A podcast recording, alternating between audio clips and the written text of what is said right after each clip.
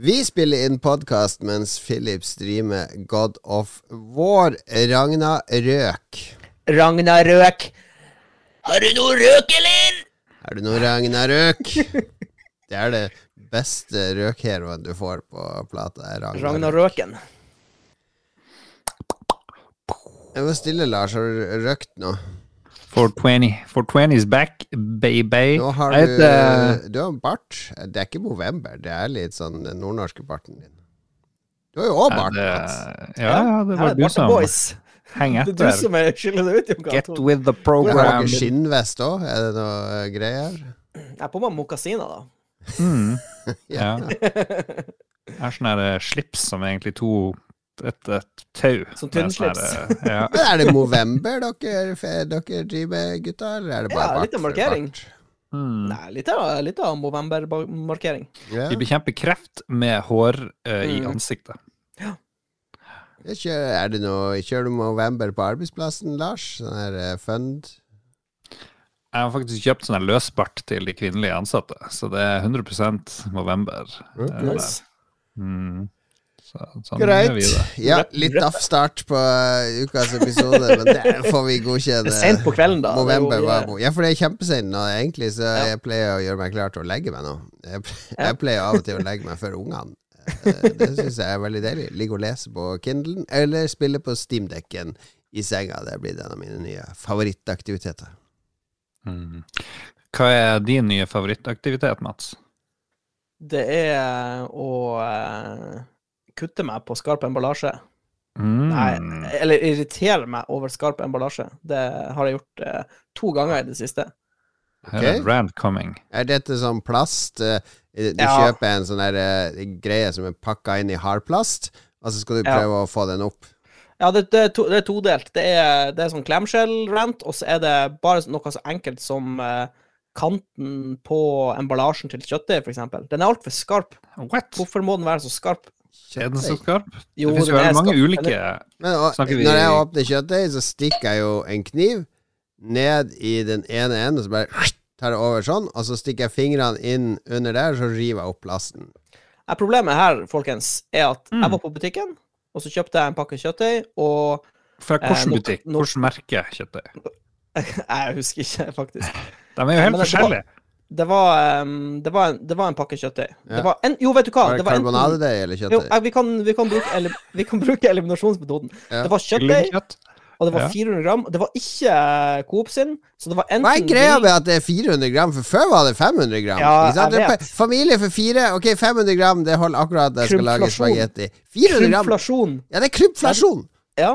Men det Mm. var, det var enten Kurås eller Gilde. Jeg husker, Det var en av de to. Men uansett, det som skjedde, var Jeg handla annet kjøttdeig, kaffe, og så handla jeg en, eh, en pose potetgull Nei, uh, popkorn. Mårud popkorn.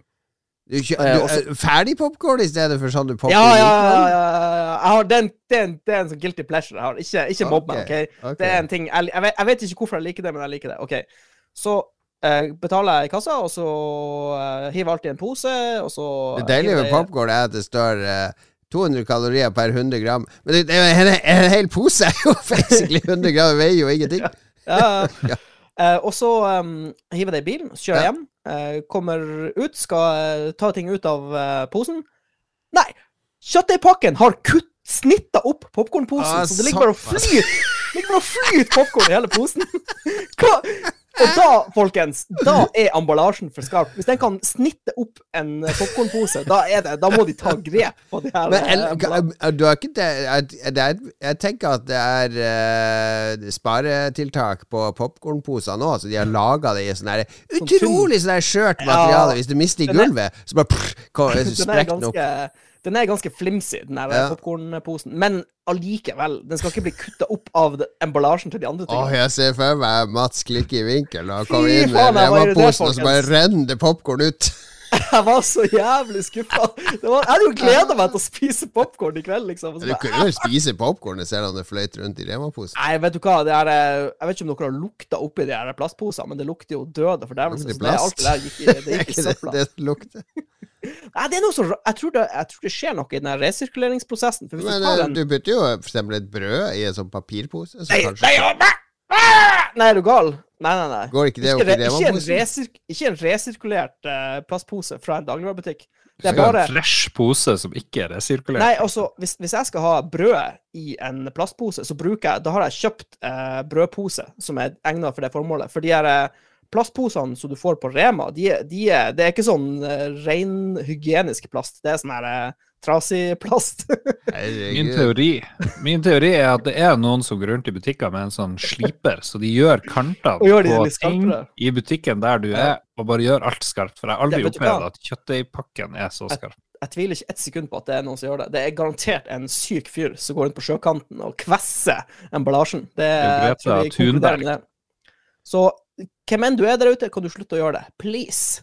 Please. Ja, ok. Ja, men jeg, jeg visste ikke at du var du er, du er litt sånn var på mange ting. Folkemengder, plastposer Ja, du, Har du er ganske redd fyr, Mats. jeg Nei, jeg er, ikke, jeg er ikke Det er forskjell på å være redd og ha forholdsregler. Det er to vidt forskjellige ting. Jeg går ikke rundt og meg Ja, jeg går ikke rundt og bekymrer hvis jeg gir deg en saks, og så sier Mats løp 100 meter nå, er det sånn Nei, vet du hva, det gjør jeg faktisk ikke, fordi løp med saks, det er ganske det- farlig.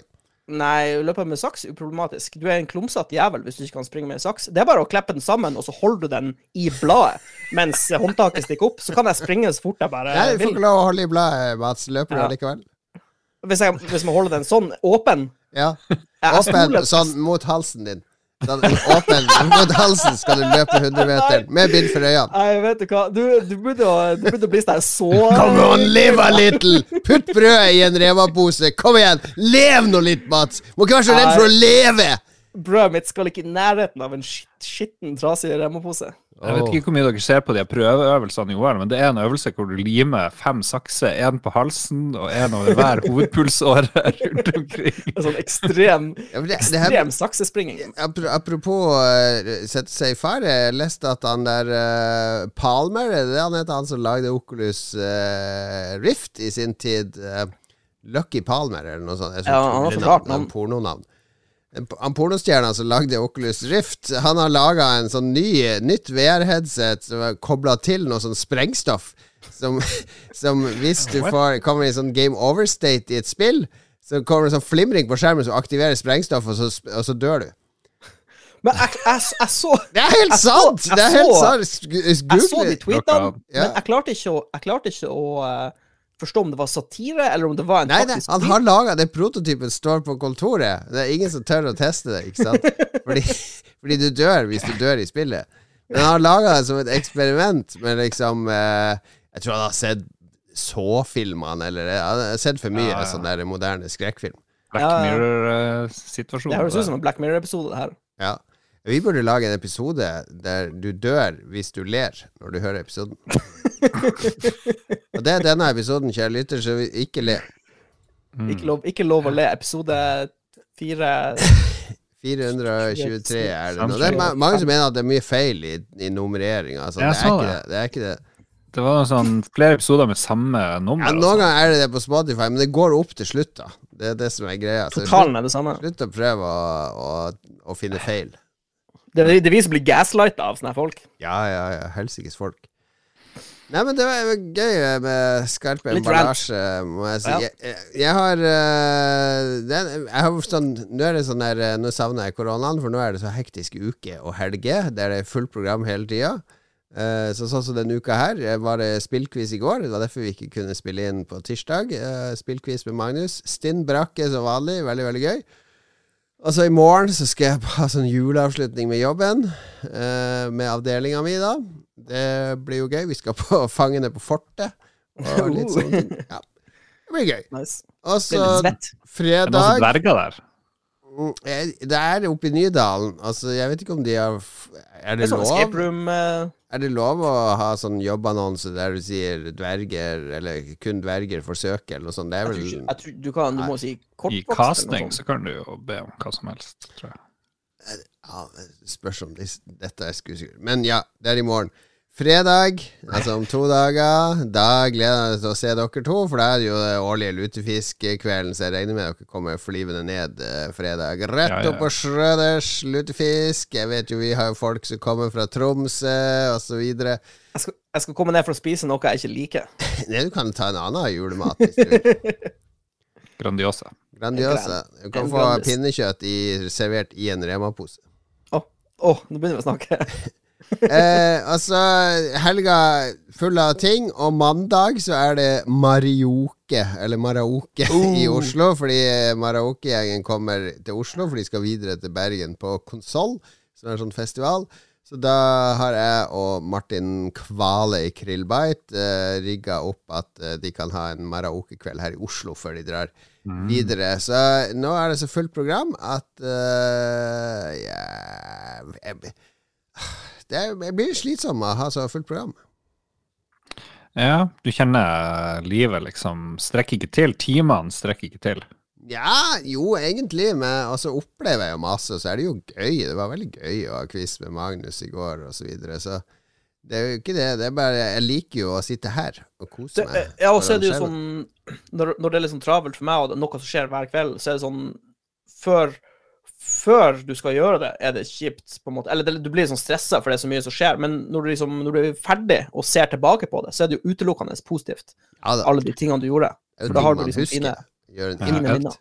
Er det her vi skal innrømme at vi har uh, lagt uh, spillerevyen på is? Ja, det kan vi innrømme. Ja. Hva skjedde, folkens?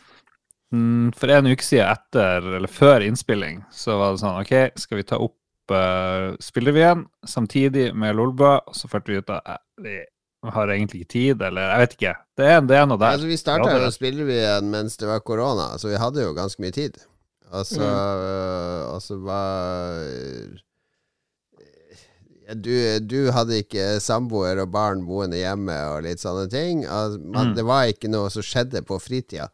Sånn at det å rigge til spillerevyen var Det var ikke så mye jobb, og så var det ganske gøy arbeid, og vi gjorde mye research og fikk inn gjester og alt sånt, fordi vi hadde tida Mm. til det. Og nå er det litt verre. Eh, Nå Mm. er det Ja. andre ting som, eh, som Ja, det- kommer i veien. Det er, det er trist, sad but true. Men eh, jeg har holdt åpning for at kanskje spillevien kan komme litt sånn nå og da, men noe sånn fast, det, det må vi bare glemme inntil videre. Det Tyvärr. blir en sånn positiv overraskelse når det kommer en, en Ja. episode. Mm. Inntil, inntil det blir samlivsbrudd på Lars. Så er, det, er det det vi må vente på? Inntil du våre- skyter Alle barna våre flytter ut? Ja, du skyter hele familien din, da skal vi spille. Ja, da må jeg være med i den røverpodden, for det er en sånn podkast med fanger som de lager i fengselet. Det har jeg hørt. Mm. Artig. Ja, artig. Nei, men ja, det blir ikke Vi må Altså, spillerevyen skal jo være bra. Det var jo det som var greia vår. At på Lolbua, det er ganske low effort, kan, kan vi si. Uh, uh, behind the scenes hemmelighet, men jo da, det er litt, litt effort. Den ene spalten uh, Lolbua er en sånn uteligger som har vært gjennom alt, men han lever fortsatt. Det er ingen som skjønner hvordan han lever, men han er her fortsatt. den Men er med en, gang, fortsatt. Med en gang vi kansla spillevyen, så booka jeg tre gjester til eh, Lolbua, så det kommer som perler på en snor. Ja, du snor. fikk en nytt overskudd til det, ikke sant. For da kan vi konsentrere oss helt om Lolbua og gjøre den litt bedre. For Lolbua har også vært litt daff i høst av og til. Det har vært litt Ja. opp og ned. Vi har det noen spalter, 400 beste spill og sånn. Den uh, briljerer jo, og så videre.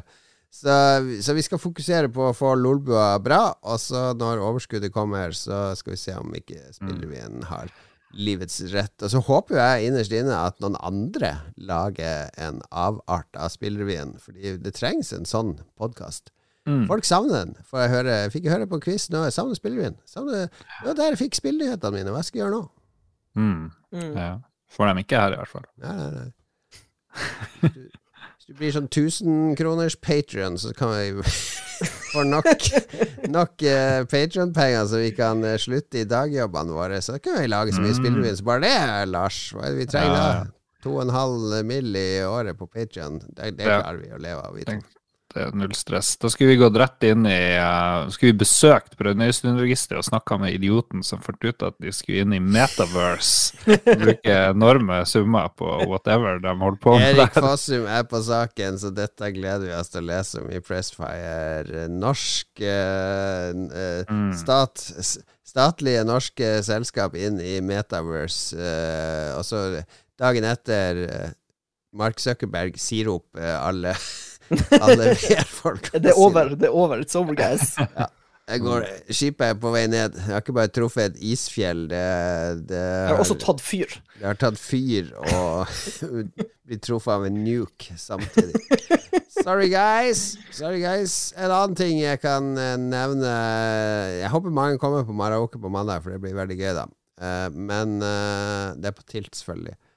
Jeg har også fordypa meg i horror den siste tida, for jeg begynte jo i oktober. Er Halloween. Det er veldig Spooktober. jeg er glad i å se horror og sånn. Og så jeg, jeg prøvde å se det. Det er en sånn serie nå på Netflix med han Guillermo del Toro, som er litt sånn der eh, eh, Twilight Zone, uh, horrorepisode. Veldig dårlig. Veldig, veldig dårlig. Dårlig! Er helt forferdelig. Har, jeg har bare sett nesten hele første episoden, og er, Ikke solgt. Nei, det er litt givende. Men, men kanskje er grunnen også fordi jeg har jo sittet på Criterion Channel hele oktober med 80s horror og bare sett eldgamle Eller skrekkfilmer fra starten av 80-tallet. Og det er så mye jeg ikke har sett der! Og så er det så mye sånn, sånn her Jeg har sett to filmer som er vår venn Quentin Tarantino bare oh, One of my favorites! Oh, it's, it's, an, it's an underground classic! It's an amazing movie! Jeg, jeg tror Tarantino har sagt det om eh, 2000 filmer, men det får nå være så. Men jeg har sett, jeg har sett det morsomste jeg har sett, som jeg oppfordrer alle til å prøve å finne, er en australsk eh, film som heter Road Games. Med Jamie Lee Curtis er med der. Veldig, veldig ung Jamie Lee Curtis. Altså, han Hovedpersonen husker jeg ikke hva han heter, men skuespilleren han heter vel Qu- Quinn eller noe sånt i serien. Quid. Og han er trailersjåfør i Australia, og det, den er så morsom. Og den er så lettbeint og eh, art... Det, det er sånn Det er sånn 80, skikkelig 80-tallsfilm, men bra. Altså, jeg ble ordentlig glad av å se den. Den har en fantastisk eh, norsk tittel. Ja, hva heter det? Glohet asfalt. Ja, ja, det kan være. Det er, han sånn seriemorder som han der trailersjåføren er litt på jakt etter. Og den er sånn totalt useriøs òg. Altså, det, han, han, han sitter og prater mye med seg sjøl i den der traileren og ser på folk. Han ser en sånn motorsykkeldude som, eh, som nys, men han sitter med hjelm og rister bilen, og han sitter og sier 'Å, sneezy rider'. altså, det det er så morsomt. Jeg, jeg lo ordentlig høyt av den filmen. Men jeg ser, ser den kan jeg dra fram. Altså en som heter um, Next of Kin, som også er australsk uh, horror. Så ifølge Tarantino The Australian Shining! Yeah, it's shining, but made in Australia! Sa, sa Tarantino om den filmen. Og den, den var litt sånn slow, men ja, veldig bra slutt. Veldig bra slutt. Eh, likte den veldig godt. Så, så det, det romantiske forholdet Lars har til å sitte og se Van Damme og Segal og den driten der fra 80-tallet, den har jeg i forhold til å oppdage ting jeg ikke har sett fra 80-tallet. Og det er noen av disse filmene, sånn som Wolfen, har jeg sett, eh, som, som jeg husker coveret. Jeg elska å gå i videobutikken og se på alle filmer jeg ikke fikk lov å se, som var for gamle for meg, og fantasere om hva er det denne skrekkfilmen handler om. Og Wolfen husker jeg fra videobutikken, jeg har aldri sett. Den har jeg sett nå, er helt ok. Eh, Noe sånn ulve-indianer Ulver i, i New York som driver og dreper mennesker fordi de truer jaktmarkene deres ute i Bronx. Eh, morsom. Altså, det, det er morsomt å se 80-tallsfilm. Det er noe eget med 80-tallsfilm. Ja, helt enig. Det er magisk æra. Men, eh, men den eh, nostalgifølelsen den får du av å se 80-tallsting, selv om du ikke har sett filmen før. For det har noe med klærne og måten de Ja, filmer det, på, er det noe Hvordan bildet ser ut. Så, Ja, og New York ikke sant, på starten av 80-tallet er jo en helt annen New York enn det vi kjenner i dag. Den der eh, veldig skitne, shabby, farlige versjonen av New York. Der de Kommer drev damp opp overalt. Ja, der de basically drev og reiv ned hele Bronx og sånn. Folk bodde i ruiner som ble revet ned og erstatta av nye boliger. Altså, Det, det, er, det er artige tidsbilder. Jeg elsker det. Hvis du vil se Shet New York, det er jo den der Death Wish-serien med Charlie, Charlie motherfucking Branson. Ja, Vi ja, hadde jo en runde. ja, ja. Ja, eh. Ja, Death Wish Vi så alle de der. Det er faen meg magisk. Det er så mye syke ting. Og du kan huske når vi eh, var i Oslo, Lars, husker vi så Taking of Pelham 123'. Det er også en av de ultimate New York-filmene. Når T-banen blir hijacka av, Ja. uh, kidnappere eh, som skal ha ransom, og borgermesteren er sånn gretten så, sånn, Det perfekte amerikanske borgermesteren. Så, What the fuck is going on? Somebody get me the commissioner on the phone right fucking now! Ah, det, det er det amerikanske samfunnet vi liker. Ikke det tullevalgsamfunnet som er i USA nå. Herregud, for et Muppet-show. Det er uh, midterms elections her. Jeg mel- jeg meldte meg så sykt ut av det der eh, greiene der. Gidder ikke å følge med på. Hva? Oi. Boy. Ja, Ja. Lars, hva har du gjort i det siste? Vi er på deg nå. Eh, ja, det har skjedd mye i livet mitt, som alltid, og um, det, det, det er På med løgndetektoren nå. På med løgndetektoren, Mats. Ja, men det, først må jeg nevne Jeg leste en artikkel i eh, et eller annet spillmedie. Den var sikkert gjengitt i 40 andre spillmedier. Det er jo at Bungie har sendt ut sånn melding til uh, sine spillere på PlayStation, fordi der drives sånn en enorm prosentandel å spille enda PlayStation 4-versjon.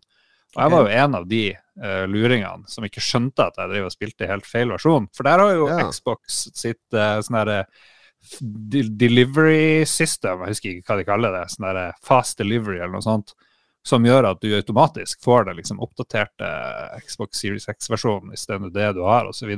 Men her må du faen meg laste ned PlayStation 4-versjonen, virker det som, så prøve på en rar måte i menyene av PlayStation 5, det var sånn det var for meg.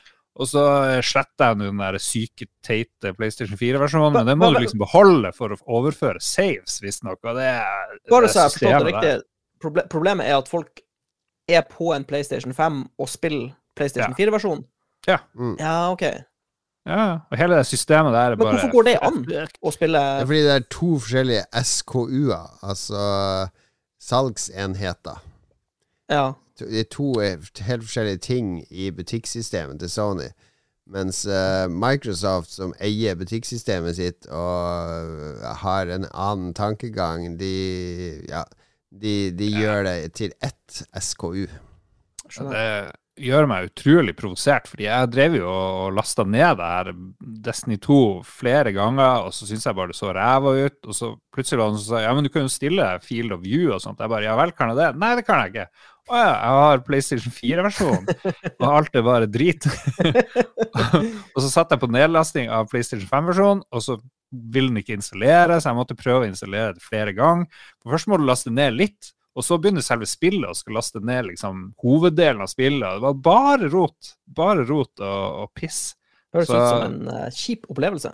Ja, så nå har jeg nå endelig den der ordentlige versjonen av Destiny 2, og så, så fulgte ikke savene mine med, og så ble det bare rot, og ja, så det er stranda der, da. Så, men heldigvis så har det skjedd hygg, hyggeligere ting. Nei, det har det Det kulminerte med at du gikk ut og drepte en person og kasta den personen i fjorden. Ja, nei, det, det, det har vært en veldig trasig dag. Jeg kan jo fortelle litt. Jeg var på jobb. Fikk plutselig melding fra moderen om at eh, masse folk som driver og er nede i vannet utenfor huset hennes, for hun har jo sånn her eh, sjøutsikt og bor på havna. Er moderen en, en confidential informer? Hun er det, så hun sendte meg bilde av eh, Forsvaret som drev og keik ned i vannet og styrte på veldig. Det var sånn fem-seks båter og masse folk overalt. Og så, skjønner, så tenker jeg, ja, er det en øvelse? De er jo mye å øve, men det så veldig sånn OK, de er konsentrert på ett sted og driver og leter veldig. Så måtte jeg jo ringe eh, politiet, fikk ikke svar. Ringte en kontakt i Forsvarets overkommando, som sendte meg videre til sjefstalsperson i Sjøforsvaret som sa nei, du må ringe politiet. Men vi driver og leter etter en savna person. Så da gikk jo alarmen med en gang selvfølgelig oppi her, og da har jo blitt en sånn rikssak. Det var jo toppsak på VG og greier. Så det viser seg da at en savna kvinne har mest sannsynlig, de har vel ikke identifisert person, eh, kjørt ut i havet. Og det var jo lenge usikker på var det en person i den bilen Oi. som utenfor brygga der. Jo da, det var det. Og nå er jo spørsmålet hvem er det? Og så har jeg vært sånn her VG-aktig journalist i dag. Stått ute i kulda i tre timer, venta på å få prate med politiet, snakke med folk, snakke med naboer, ditt og datt. Og get on top of that situation. Så det var sånn eh, Det mest hektiske er jo når det går sånn drapsalarm. Men uh, det her var jo ikke drapsalarmen, det var liksom hakket under da, på et vis. Eh, så det har vært en, en spesiell dag. Måtte dra hjem og ta på meg masse varme klær fordi jeg skulle være ute. Og det er sånn null grader og sur vind og helt jævlig forhold, egentlig. Bare for den som eh, er død, da, selvfølgelig, og familien og sånt. Men eh, Ja, ja. det tok jo helt av. Så Noen som har kjørt bilen sin utfor kaia, liksom. Det, det, Ja, ja, ja. Så nei, det er jo styrt mye. Hvordan skal man få en båt opp fra havet, egentlig? Hva er det man gjør da? Det er ingen som har forberedt.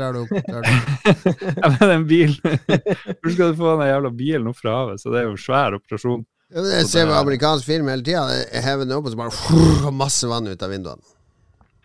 Jeg lurer på om vinduene var igjen. Jeg fikk se bildet. Moderen eh, sendte meg bilde mens det drev og ble heist opp osv. så videre. Så det holdt med tre timer for meg der. Men det er veldig koselig. Eh, sånn eh, når eh, Ja, sant, det er jo en grusom situasjon, men når kolleger samles NRK kommer, alle lokalmedier, VG Er det sender ikke opp folk kn knivskarp konkurranse om å få de beste sitatene? Og Ja, det er jo det, men samtidig så blir det sånn kollegialt eh, samhold, fordi alle står ute og fryser og er i samme båt, og så deler man litt informasjon. Ja, har du pratet Litt sånn om det her? Dere ut i en båt? Nei, vi for ikke ut i båt. Ja, Det du burde vi det var i jo- samme båt. Ja, nettopp. Nei, vi var ikke samme båt. Så det er liksom den positive. Du får liksom møte kolleger, men, men det er liksom Det er enorme tragedier. Ja, det er en tragedie. Men det er liksom enorme tragedier eh, og enorme Det er OL og liksom Det må sånn være noe sånn enten dødsfall eller noe sånn Melodi Grand Prix. Da møtes alle journalistene for, for et eller annet. Så, så det er en veldig merkelig situasjon, da. Det er, så er det mye galgenhumor og sånne ting, samtidig som man skal være full av respekt. og Får man vite masse informasjon man ikke kan gå ut med fordi man må ta hensyn til pårørende som kanskje ikke har all den informasjonen du har, fordi du er liksom midt oppi det og får prata med absolutt alle som er involvert. Så det er liksom Så- ekte journalistarbeid du får føle på.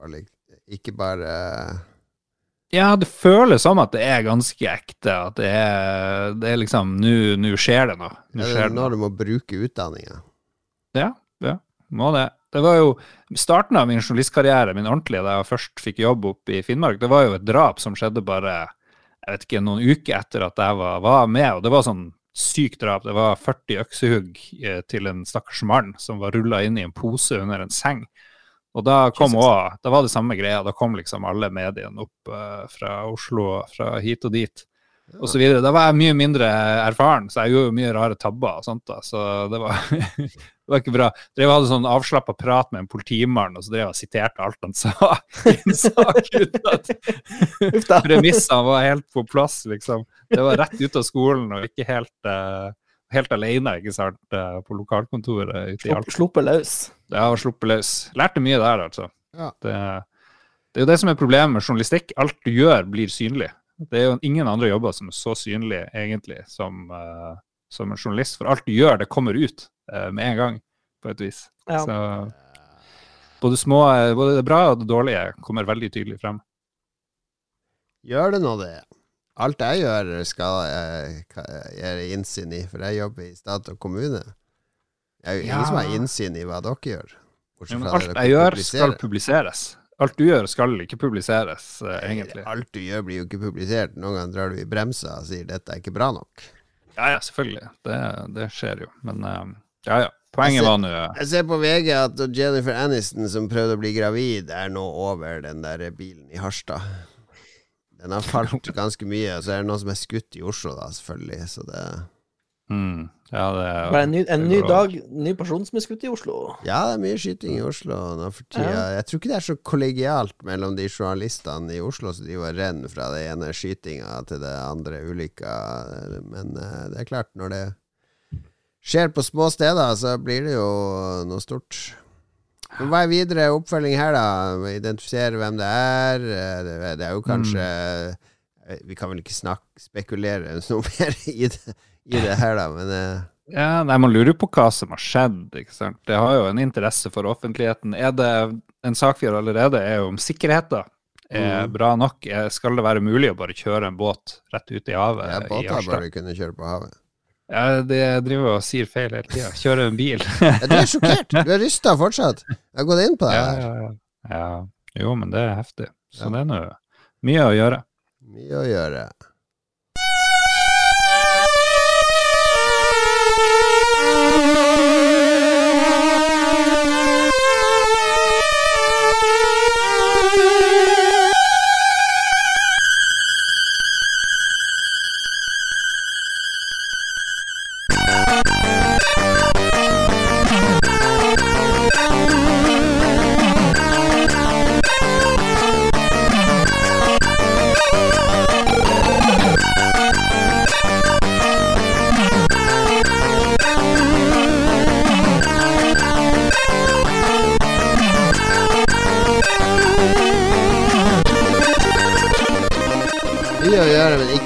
At du ikke har fått spilt noe, Lars.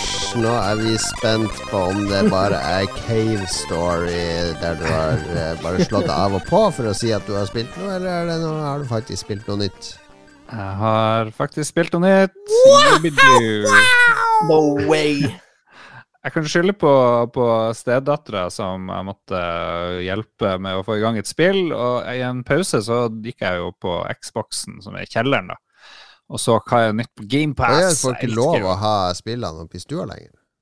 Ja, det er Xbox nede som hun kan spille på, og så er det PlayStation oppe Ah, i ok, stua. ja, det og, er differensiert. Ja, nei, og på smart. Xboxen så er det jo Smart. ja, På Xboxen er det jo mye lettere å finne nye ting, fordi det er den eneste sånn uh, spilltjenesten jeg abonnerer på. Og da rauser du inn mye lettere enn å bruke 840 kroner på Call of Duty eller Ja, 1000 kroner på God of War. Så da låner jeg helt nytt eh, spill fra der Humble Bundle-folkene som har gitt ut, noe som heter Ghost Song. Og jeg syns bildet så bra ut. Jeg bare fyrte det i gang, eller installerte det. Tenkte la oss sjekke det ut. Og til min store glede så er det jo et Metroidvania-aktig Ja, spill. det elsker du. Ja, det, det Da er er min Lars med. Ja, Det det er Lars klar. Og så er det et ganske Gi meg litt Metroid, gi meg litt Vania. Jeg er med. Det er Lars. Hell yeah, boy! veldig bra artwork. eh, litt sånn sakte. Det finnes jo noen Metroid-spill som er veldig raske, men det her er veldig sånn Kanskje sakte. du, kanskje og- du får sånn speed up etter hvert? En upgrade? Kanskje, kanskje. Jo, det har fått noen greier, men det er litt sånn rolig. Og det, det er veldig tydelig hva man er inspirert, fordi hovedpersonen har en sånn pistolarm, har krasja på en planet. Planeten er sånn at uh, alt som kommer i nærheten av den, bare krasjer ned i, i jungelen, eller hvor enn de lander. Ja. Og så du, skal du finne veien hjem, da. Og så til alt overmål så har du noe sånn her hukommelsestap i tillegg. Og møter masse folk du kan prate med, og også litt sånne rare fiender som ikke sier så mye. Det er litt sånn Jeg får litt Axiom Verge-feeling av det hele. Alt forklares ikke, alt er litt sånn vagt. Litt sånn mystisk. må- Ja, litt mystisk, og så må du finne ut av ting. Og ellers så er det business as usual med upgrades og hemmelige rom og, og liksom Oi, nå møter jeg en stengt eh, vegg der, ser jeg trenger et våpen, jeg må gå en annen vei. Men tvisten her da er vel egentlig at det er eh, veldig, veldig vakkert. Eh, liksom en sånn kunstnerisk. Eh, det ser ut som alt er håndtegna på et vis. Og stemninga er veldig indie. Det er ikke noe sånn blockbuster megafighting, uh, muskulære greier. Du er en sånn veldig sjenert, uh, robotaktig sak, virker det som. Ja. Ja. Som, uh, som, ja, som ikke vet hvem den er. Folk kommer og spør er du snill, og du bare 'jeg vet ikke'. jeg vet ikke helt hva jeg er for noe. Veldig veldig fin stemning i, i det hele greia. Og jeg må si jeg liker det veldig, veldig godt. I like it. Så deilig, da, at du har funnet noe du liker. Ja, og så er det, har det en sånn Dark Souls-mekanikk, selvfølgelig, med at du mister det du har tjent opp av XP hvis du dør. Så kan du Komme deg tilbake igjen og yep. redde. jeppedu. Så prøv å gjøre litt nye ting, da. Ja, men det, det ser bra ut, det. Ghost Song, altså. Du, har- hvis du ikke var på GamePass, hadde du gladelig kjøpt det for uh, det 20 dollar. her nå? 20 dollar på Steam. 14 dollar med den nye Ja. currency-modellen til Steam, så blir vel det 2000 kroner i norske. Ja, det er 200 kroner. 200 kroner. Nei, det er absolutt verdt eh, 200 kroner, Ja. må jeg si. Ja, jeg ser det har fått very positiv. Very positive. Nei, men bra. Da skal det Ja. wishliste, for jeg ser at det er også Steamdeck compatible. Grønt lys for Steamdeck, så det, Oh, yeah. Åh, det Da kan jeg spille det der. Ja, det, Det er gøy. Det som er fint med det her GamePass, er at du kan laste ned ting uten å, være, uten å gidde å lese reviews engang. Og det er jo en kjempeartig opplevelse å bare sjekke. Okay. Ja, bare gå, ut, gå inn i blinde, liksom. helt blindt. Ja, men, det- det, men du er jo ikke investert der, fordi det skal liksom Hvis ikke det klaffer på de første fem minuttene, så er det sånn Nei, vet du, det gidder jeg Mm. ikke. Det er jo Ja, ja. ulempen, ikke sant? Ja da, absolutt. Det klaffer heldigvis. Nei, jeg kan uh, ta et uh, for Jeg har eh, spilt noe som heter Signalis. Uh, dette er noe du ville likt, Lars, men her må du nok punge ut. For jeg tror tror- Ja, det er kanskje Ja, det kommer på PlayStation nå, faktisk. Signalis. Jeg har spilt det på Steam og på min Steam Deck. Det er et retro horrorspill. Det er en slags blanding av Metal Gear Solid og Resident Evil. Altså det første Metal Gear Solid på PlayStation 1. Og det, og, Ja, pixelart. Ja, det er litt pixelart. Det er 3D, litt sånn pixelart. Jeg syns det minner om voxelart, men jeg ble arrestert når jeg sa det til en spillutvikler. Hvor er voksel? Dette er, hvor er vokslene? Hvor er vokslene? Det er veldig sånn myk eh, eh, polygongrafikk og myke bevegelser. Det minner litt om eh, Alone in the Dark, kanskje. Og så, er det veldig Metal Gear. Altså, du er en, en eller annen slags uh, cyborg-aktig vesen som er på en fremmed planet. Romskipet har krasja, og så kommer du inn i en sånn kompleks. Og så er det masse, Romskip har krasjet. masse puzzles. Og så det utrolig kul visuell stil, da. Det Altså, ser mm. sinnssykt bra ut. ja, de og det narrativet Når de skal fortelle narrativet, de forteller det på en sånn tegneserieaktig måte. Ja, veldig bra eh, framing av shots og klipp og dramaturgi og alt sånn. Så det er, det er en ordentlig sånn perle. Det, akkurat, det føles som et sånn spill fra PlayStation 2-æraen. Bare i moderne innpakning som du gikk glipp av. Et sånn trippel A-spill fra den epoken. Også utgitt av Humble Games. To Ja, spill med roboter som sånn krasjer. eh, Ja, litt sånn Planeta. eh, Humble Games er eh, faen meg on fire for tida. Altså, de, de har mye utgivelser. Jeg var jo i møter med Humble Games med Mosaikk i sin tid. Da begynte de akkurat med den publishing-greia si. Ja, okay. Mm. ja, men da har de jo eh, en god flow på gang. Det ser jo, begge de spillene ser jo helt eh, fantastiske Ja. ut. Så eh, Signalis det laga noe som heter Rose Engine. Hadde aldri hørt om de før, men det, det er to personer. Det er en som heter Juri Stern, og ei som heter Barbara Whitman. De bor i Hamburg i Tyskland, og de har laga analoge og digitale spill de siste åtte årene. Og Signalis er det første dataspillet. Og dette er en innertier av, eh, av et debutspill, altså. Så er du litt hypp på en Resident Evil Metal Gear retro-mashup, hvem, hvem er ikke det, liksom? Så er Signalis definitivt noe å sjekke ut. 200 spenn på Steam, det er en no-brainer. Veldig vinterspill, kosespill, fordi det, det, er, det føles sånn kaldt og, og alienated, hele spillet, rett og slett. Ja. Jeg er med. Ja. Jeg har sett på Battlenet, eh, Mats, at du Ja, nå sitter Mats og spiller Modern Warfare, og så bare What? World of Warcraft? Ja. Jeg har spilt, eh, jeg har spilt både Modern Warfare og faktisk World of Warcraft. Jeg tar, jeg tar World of Warcraft først, så kan vi sammenligne litt Modern Warfare impressions etterpå. Ja.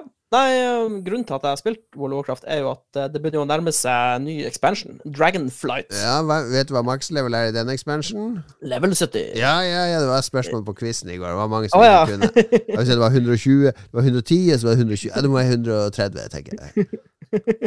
Nei da, det er level 60 til 70. Men uh, det jeg tenkte, var at uh, fordi forrige expansion, Shadowlands, eh, var jo ikke verdens beste expansion. Eh, det må vi kunne lov til å den for der var heller ikke verdens beste expansion. Og den for Nei. der. Det har gått var- jo, jevnt Legion var nedover bra. siden Lich King. Legion var, Legion var kjempebra. Legion var okay. en fantastisk okay. expansion. Men uh, det som var greia, er at det er jo um, det, var jo kommet ganske mye innhold til Eller i hvert fall sånne Det var kommet noen sånne lange questlines som kalles eh, campaigns. Eh, og så hadde ikke jeg spilt de, så jeg tenkte faen heller eh, Jeg, jeg spiller gjennom de, og så ser jeg hva hele greia er. For da får du hele historia fra starten av expansion til slutten. Hva har skjedd? Ja. Eh, så jeg spilte gjennom de, da. Eh, men når jeg var ferdig, så tenkte jeg faen, det her skulle jeg heller bare sett en YouTube-video av, fordi det var ganske tynne, tynne greier. Det var Tynn ikke noe Tynn suppe, ja.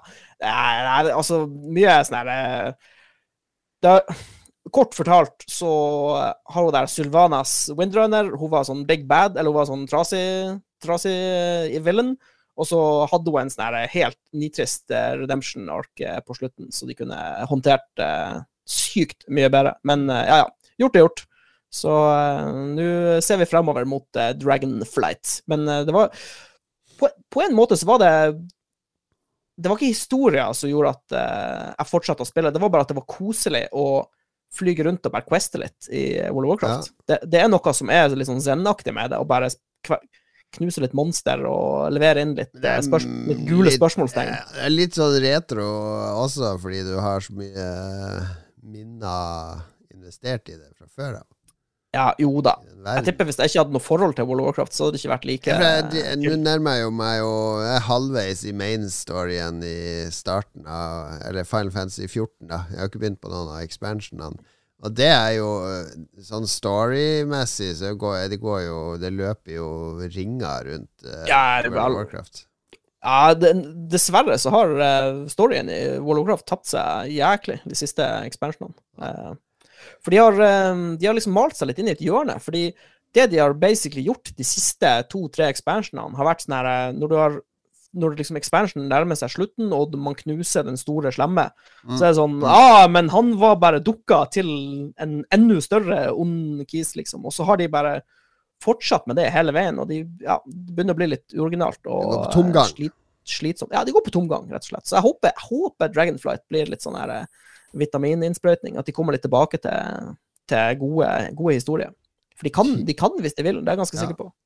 Time vil show. Noe som er briljert på min mobil Det er ikke ofte jeg spiller på mobil, og dette er både på mobil og Steam. Det er jo det nye eh, kortspillet Marvel Snap.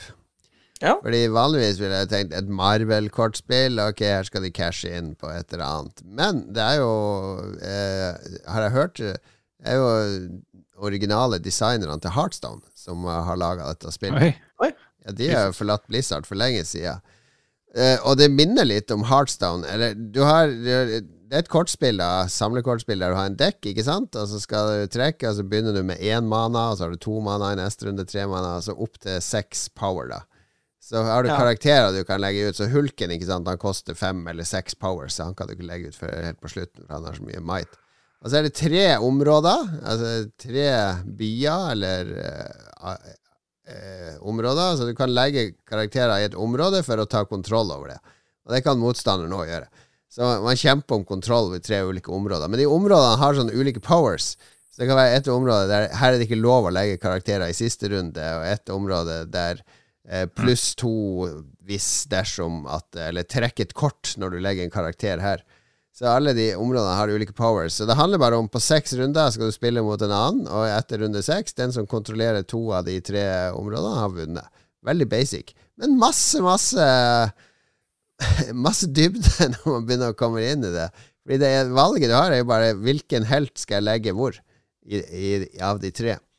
Uh, og det, det er ganske gøy. Det er ganske gøy. Du kan få noen sånne helt uh, syke komboer med denne helten doble poweren din i det området, og samtidig altså, det, det er noen sånne eh, absurde, litt sånn game-breaking komboer, og det er alltid gøy i sånne typer eh, spill.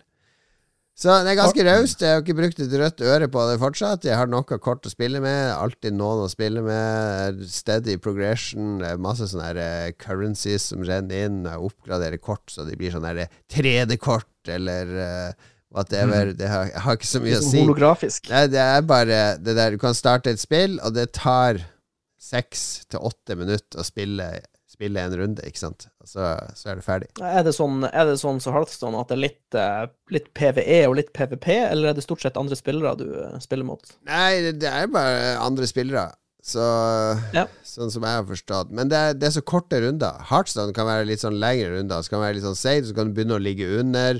Og bare 'Å nei, nå må jeg sitte her i ti minutter og tape', liksom, og sakte draine ned. Ja, d- og det er ikke noe gøy. Men så her er det Det er action fra første runde, og så er det fem minutter som er litt sånn mm, intenst. Hvor skal jeg plassere dette kortet? Skal jeg putte ut to svake kort istedenfor ett sterkt? Og så er det over. Det er bare seks runder, ikke sant? ja. Er det, driver du og lager dekk mye, eller er det Ja, nå begynner jeg å få nok kort at jeg kan begynne å lage dekk. Og der kommer Mm. du til nytt nivå. Der må jeg begynne å vurdere om jeg skal orke å bruke tid på å lage dekk eller ikke. Men foreløpig så har jeg bare sjøfla alt jeg har fått inn i dekken. Eh, men eh, ja, nei, det er, det er gøy. Og så er det masse Marvel-helter, og noen har unike powers, og noen Ja. Det, jeg koser meg skikkelig. Marvel Snap eh, anbefaler varmt. Hvor, hvor ligger folk an med, med Magic the Gathering online? Er det fremdeles en ting? Eh, Var ikke det stort en stund? Jo, det er vel eh, Det spilles vel fortsatt, men jeg aner ikke hvor mange. Nei, um, jeg savner multiland og sånne ting. jeg tror um, Riot lagde vel òg et kortspill der, Ru- Runeterra-greien, så jeg tror de Jeg tipper hvis, hvis det er noen som er store, så er det sikkert de. Legends Mm. of Runeterra, var det det? Mm. Who knows? COD. Åssen går det i COD? Det er siste spillet, så er det Skal vi tilbake til 1996. Nei, jeg har, eh, jeg har spilt eh, litt multiplayer også. Driver og um, låser opp Jeg har jo begynt å sette meg litt inn i det der eh, attachment-systemet, så nå har, de jo, nå har de jo gjort det sånn at du egentlig må Du må egentlig bruke alle våpnene for å få eh, alle attachments, for du låser liksom opp um, Ja, hvordan skal man forklare det her eh, på en kort og du låser opp våpen ved å spille med et annet våpen. Ja, altså, det no, noen attachments er universelle. At de går Ja. at de, For eksempel et, eh, et La oss si et eh, sånn eh, spesifikt sikte. Et sånn 4X-sikte. Når du har låst det opp, så har du det til alle våpnene. Ja. Det er ikke sånn at du må låse det opp til hvert individuelle våpen, men du må liksom finne ut hvilke attachments vil du ha, og hvilke våpen må du spille med for å låse opp de Ja. attachmentene. Og så har de Så, også laget det sånn at attachments har ganske negative effekter. For eksempel Ja. time to aim og sånn blir dramatisk ja, plutselig har du redusert. kjempetreg uh, aim down sight. Ja, jeg ser mange av de proffene De spiller bare med sikte, egentlig, eller én attachment til. Uh, Ja. Det er ikke noe vits å pøse eh, på med masse attachments. du må balansere det litt opp, for hvis du, Ja. pump, hvis du pumper på med bare ting som gjør deg rask ADS, så får du kanskje dårlig spray pattern. Ja. Og hvis du pøser på med ting som gir bra spray pattern, så får du plutselig veldig treg ADS. Så du må liksom balansere det litt opp. Og ADS eller mye. spray pattern, Lars? Hva er viktigst? Jeg bare, det eneste jeg har å bidra med, er at jeg sa at Dr. Disrespect var så sur på konsollspillere, for de får så mye aim assist, så han mente det var helt meningsløst å spille det der spillet. Jeg må ikke høre på han der Dr. Disrespect. Han er jo en klovn. Broren til Dr. Ødger. Apropos Call of Duty, jeg sitter og ser Det er jo en Det er jo streamer jo på Twitch nå, de nye gamemodene til Ja, ja, ja. Han, så nå nå har jeg oppe streamen til han Landmark. Han spiller DMZ, DMZ? DM-sett med han eh, Loop, Dr. Lupo og en annen fyr. Ja. Jeg kan si med en gang at DM-sett ikke er skrevet om Tarkov. Det ser jeg Det ser jeg med en gang. Men eh, jeg gleder meg til å prøve de nye gamemodene. Eh, jeg har absolutt trua på Warzone 2. Jeg håper, jeg håper kartet er bra. Ja. For det er jo det som har vært litt problemet til Warzone i det siste, med sånn trasig kart. Vi må krysse fingrene for det. Nei, jeg grinda i Warfare 2. Uh, Åpna attachment som våpen. Har uh, spekka ut eh, MP5-en, som Spiller du eh, Team Deathmatch eller Kill Confirmed, eller hva er, den, hva er jeg din spiller mode? Quick Play-lista. Quickplay. Du har på alle, alle greiene, Ja, liksom? jeg, jeg tar bort det der eh, der du blir, må sitte og vente når du er døv. Det hater jeg. Ja, Search and Destroy. Ja. Det er Ja, den to er- sånne moduser der du må sitte den er og litt vente treg. når du er døv. Det orker jeg ikke. Ja. Og så Nei, jeg har spilt masse med MP5-en, som du må, Ja, den må liksom grinde opp to våpen. Den er bra eh, i nærkamp. Og så driver jeg nå nærmer jeg meg level 41. Da kan jeg begynne å låse opp den der long range uh, machine gun-greia som alle streamerne bruker. Jeg har, har ett uh, tips uh, som hjalp meg veldig, eh, eh, og det er Du vet på de her, eh, de her killstreakene, Ja. eh, hvor du får sånne UAV og chopper gunner og sånn. Det er en sånn toggle der inne. Du kan velge om du får de på kills, eller om du får de på score. Så du kan velge om det er killstreak eller scorestreak. Ah, ja. Men da, jeg vil anbefale å bytte over til scorestreak, for det står på killstreak som default. Men det virker bare være positivt å ha det på scorestreak. I hvert fall hvis du skal ta kontrollpunkter og defende og sånt. Ikke sant? Poeng hele tiden. Yes, så uansett hvilken game-mode du spiller, så virker det. Så jeg vil anbefale å bytte over. Da vil du få mer, mer av de. Det er jeg ganske sikker på. Vi må vekke Lars har savna det, vi må vekke han. Ja.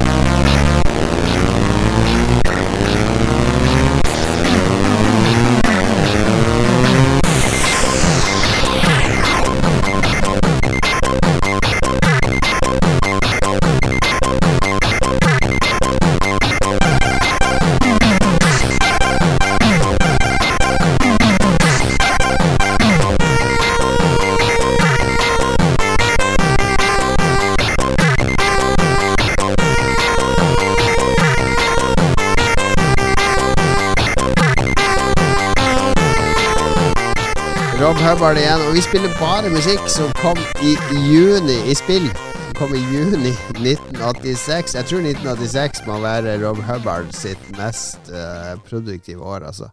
Utrolig mye Rob Hubbard-musikk som kom det året. I love it. Det var musikk fra Formel, Formula One Simulator, som det het på uh, Commodore 64. Kosta 1 pund og 99 cent, uh, gitt ut av Mastertronic. Koster spillene mye mer i Norge enn i England? Mastertronic eh, var jo en sånn der lav eh, billig billigserie med Commodore 64-spill, så de hadde Mastertronic-spill kosta 1 pund og 99, altså 25 spenn.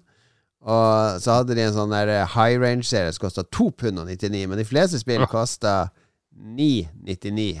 Eller fra 799 til 999 i England. Altså i Norge kosta de mellom 145 og 165 for de som kosta 799 til 999. Var det så billig nede på torget i Harstad? der? Ja, var det på, både på Gunnar Nilsen og på Dataland så kosta Commodore 64-spillene det. Men jeg hadde jo måneds... Altså ukeslønna mi var en 50-lapp. på midten av 80-tallet, så jeg måtte jo spare en måned for å kunne kjøpe et fullpris Commodore 64-spill. Så det var jo ikke veldig billig. Mm. Jeg syns det var så dyrt. Jeg hadde aldri råd til noe spill. Så det var dyrt. Det var dyrt. Pengene var verdt mer før. Det er ikke sånn som nå, med inflasjon.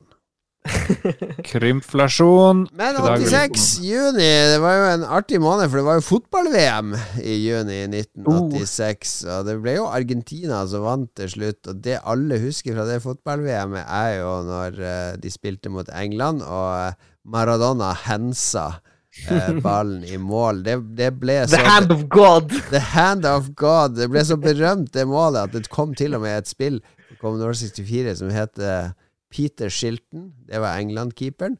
Peter Shiltons Handball Maradona het det spillet. Fantastisk. Men Det er morsomt. Ja, det var ikonisk. Og eh, ja, det, det, det er jo VM nå straks òg. Det er bare litt over en uke til det starter, faktisk. Ja. Jeg liker, det, det beste med dette VM-et er at alle som skal vise kampene, må lage sånn sak om def, Dette er grunnen til at vi viser Ja, herregud, så flaut! Skjerp dere, journalister! Altså, jeg skulle tro vi skulle sitte og se folk skjære seg sjøl mens de kommenterer. Er sånn- Au! Jeg sitter her og blør for saken! Men der, der skårer Ronaldo! Ronaldo kommer! Au! Det er så trist! Det er så, det er så flaut å se det der eh, De sitter og vrenger seg i stolene og, og kom, skal opp på det høysetet sitt og Ja, her må vi være gode journalister! Dette er viktig oppdrag! Ja, det kommer til å bli sykt mye stoff om uh, folks uh, ve og vel i, i Midtøsten. Ja, ja, ja. Vi burde ta den helt ut. Gå, gå naken rundt med strap-on i panna og løp rundt med å, og leke homofil og sånn nede i gaten og filme det. Mm. Se hva som skjer. Lag litt liv på det. Ja, ja, ja. Kjør, kjør på med å bli arrestert. Det er det de må prøve på. Men det beste med hele VM det er vel at TV 2 og NRK skal vise det i lag. og det er jo, Da får man jo sett de her kampene, i motsetning til hvis de er på sånne eh, Ja, er- er betalgreier. Så det er takk Qatar for det. Ja. Det, er nå det det er. Men i 1986, i juni, noe annet artig som skjedde, det var, var jo at Irland hadde folkeavstemning om det skulle være lov å skille seg. Tenk det! 1986. Kvinner i abusive relationship hadde ingen måte å skille seg i Irland før i 1986. Mens vi er inne på politikk, har dere fått med dere at uh, siste nytt fra USA, republikanerne uh, tar over, uh, og flertallet ser det ut som i, i det der ene kammeret, så det blir jo Det er i huset, nice. men ikke i senatet. Ja, så vet ikke om det har så mye å si. Eh, jo, det har sikkert litt å si, men det ble jo ikke sånn der eh, storm av, eh, av republikansk. Men eh, det er første valget på kjempelenge jeg ikke har klart å se, fordi jeg har så mye PTSD fra da Donald Trump Ja, vant valget. Jeg klarer ikke å følge med på sånne valg lenger i USA. Nei, Jeg har gitt opp USA litt. Jeg tror, det, jeg tror dessverre de, de, er liksom, de har mista kursen, og de er adrift. Ja, det er bare senile presidentkandidater òg, så det er jo helt grusomt. Ja, de må få der AOC oppi som president. Da, da er jeg tilbake på USA-toget. Nei, det Nå er vi i bare glemme det. 1986. AOC var ikke Ja, var- født engang eh, Ja, det er sant. i 1986. Jo, var kanskje det. Men vet dere hvem som ble født i juni 1986? Donald Trump. Ja, Han eh, Ivanka. Han, Mm. eh, en Tennisstjernen Rafael Nadal ble født denne måneden. Oh. Mm. Og uh, skuespiller og performanceartist Shia LeBeouf ble født i juni 86. og ikke minst de to tvillingpikene Mary-Kate og Ashley Olsen kom til verden denne måneden. Og lite visste de at de snart skulle være med i Full House. Lite visste de om det, og at de etterpå skulle prøve litt narkotika og få spiseforstyrrelser og alt det som hører med å være barnestjerne i USA. Åh, Ripp han eh, faren i Full House. Hva han heter for noe? Bob? Bob Saget! Bob Bob Saget. Saget. Men det kom fire spill denne måneden. Vi skal som vanlig kåre det beste spillet, og vi begynner med en meget sterk kandidat, fordi Taito rulla ut eh, på arkademaskinene i Japan. Mm. Så rulla det ut et veldig rart spill med en grønn og, en- og en blå dinosaur med store øyne. Eh, veldig søte dinosaurer.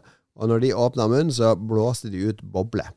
Bobler Ja. som de kunne fange fiender med. De skulle samarbeide gjennom 100 brett for å ta baron von Blubba.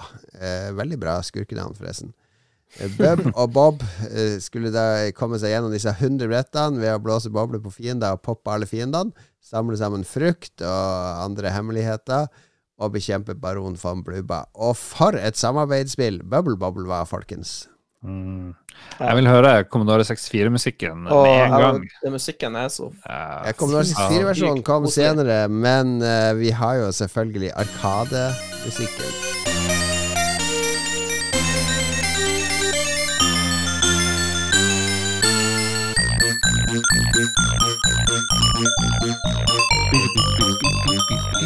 Det var 100 leveler, og det var et av de første spillene som hadde multiple endings. Det er jo veldig vanlig, i, spesielt i sånne japanske rollespill i dag. De må du jo gjerne spille gjennom ti ganger for å få alle endings, for de som Mm. eh, er besatt av det. Men det her, det her hadde multiple endings. Hvis du klarte det i singleplayer, eh, så fikk du en melding om at eh, spillet har, er ikke sånn helt over ennå. Kom tilbake med en venn. Men hvis du klarer det med to, to players, da, så får du se en sånn happy ending der de to dinosaurene transformeres til mennesker og, eh, og blir reunita med kjærestene sine. Mm. Jeg jeg bare fullførte det med to personer, men jeg husker ikke hvordan det slutta, egentlig. Kanskje Ja, du får også en kode hvis du klarer det med to personer, som aktiverer en, eh, mer, en vanskeligere supermode. Og hvis du klarer den moden med to player, så får du en ny happy ending, eh, der, eh, der bossen viser seg å være foreldrene til disse to, to eh, unge mennene som har vært under kontroll av en eller annen ond kraft. Nei, det der var et magisk spill. Det jeg husker jeg likte ekstra godt, var at du kunne hoppe på boblene du blåste. Ja. De kunne brukes som plattformer, det var jo et sinnssykt grep. Ja, for det var et skikkelig sånn coop-grep. Den ene kunne stå og blåse bobler, og den andre kunne hoppe oppover, så man kunne hjelpe hverandre. Og så har det også I hvert fall jeg og Gunnar Brun, vi spilte det her veldig mye på Commodore 64. Vi hadde også en sånn Vi gjorde det Vi samarbeida, men vi konkurrerte også. For hver gang du hadde tatt alle fiendene, så regner det frukt. Så det var om å gjøre å ta den største frukten Ja. når, når det skjedde. At de å posisjonere seg. Det ble sånn intern konkurranse. Jeg hadde ikke noe å si, men det var barnslig glede i å, i å liksom ta mest frukt. Seile opp som en enorm favoritt her, eh, rett i startblokka. Bubble Ja. Bobble. Det er ganske det er strong noe- eh, Det er ikke noe å si på det. Altså, det er jo et meget ikonisk spill. Langt mer ikonisk enn det neste, for her skal vi tilbake til middelalderen.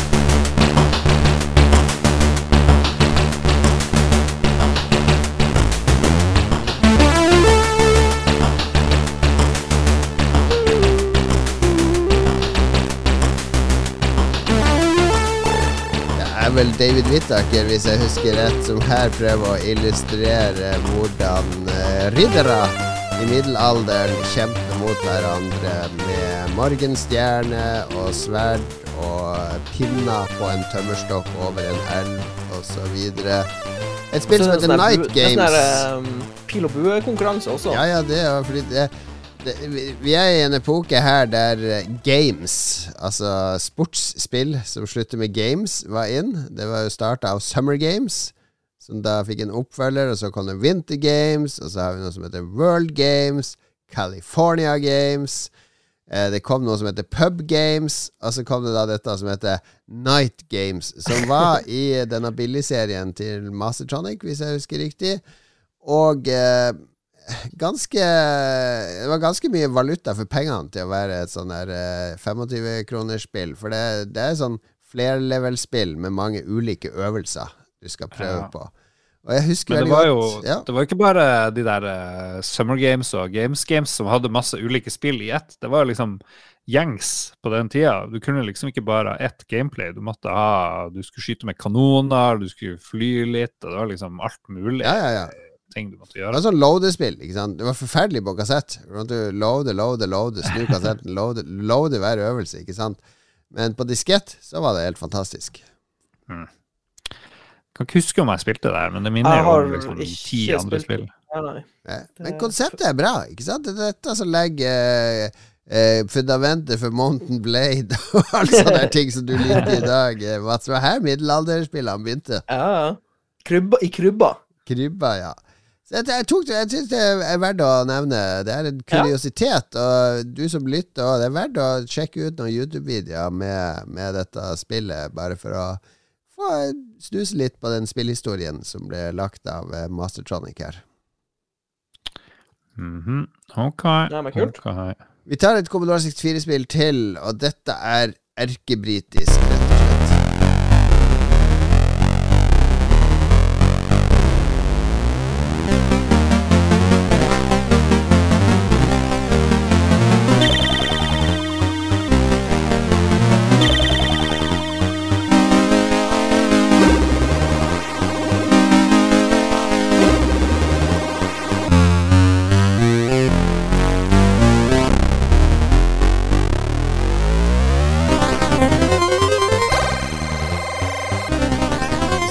Snakker spiller Split Personalities. Uh, musikken var fra David Whittaker der. Som er noe så basic som et sånt fem ganger fem puslespill, der du skal slide kvadrater Ja, for det er, ikke, det er ikke bare et puslespill, du må flytte Det er litt sånn her eh, ja, ja, er det sliding puzzle, eller hva heter de her type spillene her, eller? Det er sliding puzzle, ja. Ja, ja, ja. ja. Mm. Ja, hva Det- syns du? får du får, Det, det, jeg føler ikke at du når helt opp på noe som helst vis. du får, du får et, et så lite referansebilde, og så eh, skal du lage en sånn fyr. Ja, ja, ja. Du får et lite referansebilde. Men det som var litt gøy her, fordi det, det var vel et, et gameshow Nei, et eh, TV-program i England på denne tida som het Splitting Image. Husker dere det? Splitting image. Eh, Spit, spit image? Splitting Split, image? Splitting Image. eh, Det var et sånt britisk satireprogram med dukke. Altså det hadde Ronald Reagan som en dukke, og Thatcher og, og eh, Brezjnev og, videre. Alle var sånne eh, dukker. Husker dere videoen til Genesis Land of Confusion? Ja. Genesis, sånne type dukker. De, Ah, Fordi den videoen var laga med de Splitting Image-folkene. Det var sånn politisk satire med dronninga og, og Margaret Thatcher. Oh, la, la, går de rundt eh, disse dukkene og gjør dumme ting. Eh, det var et stort, stort satireprogram i England. Så at dette spillet, Split Personalities, var på en måte basert på det. Fordi de bildene du skal pushe sammen, er jo Reagan og Thatcher og, og eh, Gorbatsjov og sir Alan Sinclair. Det er Charles og Diana. Eh, Mick Jagger Så det var, var på en måte det, Jeg husker jeg spilte det her veldig mye. Når jeg hørte musikken, nå når jeg researcha Jeg har ikke hørt den musikken siden jeg spilte, men jeg kjente det igjen med en gang. Av en eller annen grunn så satt jeg og spilte det her i timevis og prøvde å pusle sammen Reigen. Og så er det noen sånne budskap og sånn òg i de brikkene. ikke sant? Når du pusher sammen Reigen, så er det bombe, det er atombombe, det er sånn God Bless America som dukker opp bak sånne tiles. Og, eh, det, det var et eller annet politisk i dette spillet òg. Jeg lærte av det. Ja. Vi må bare gjøre det klart at eh, TV-serien het Spitting Image, så her har de prøvd å omgå uh, noe sånn copyright med å kalle det Split Image, tror jeg. Det er min uh, Ja, for jeg tror ikke de hadde noen lisens uh, til å lage det, så at de, de, de ja, det var sånn det funka på 80-tallet. Det var litt mer cowboytider. Men igjen, det er ikke en vinner, dette her. Men verdt å dra fram, vil jeg si. Jeg tror dere lærte noe artig nå. Ja, jeg har aldri hørt om det spillet. Kom, klarte du noen gang å komme til siste puzzle 10? Jeg tror aldri jeg pusla Marilyn Monroe, for jeg For da, for da er ser du, da har du ikke plutselig referansebildet der oppe. Da er det scrambla, Ja. da må du gjøre det på spark. Nei, jeg- kanskje, kanskje jeg skal gjenbesøke det på emulatoren, eh, rett og slett. Siste spill. Siste spill.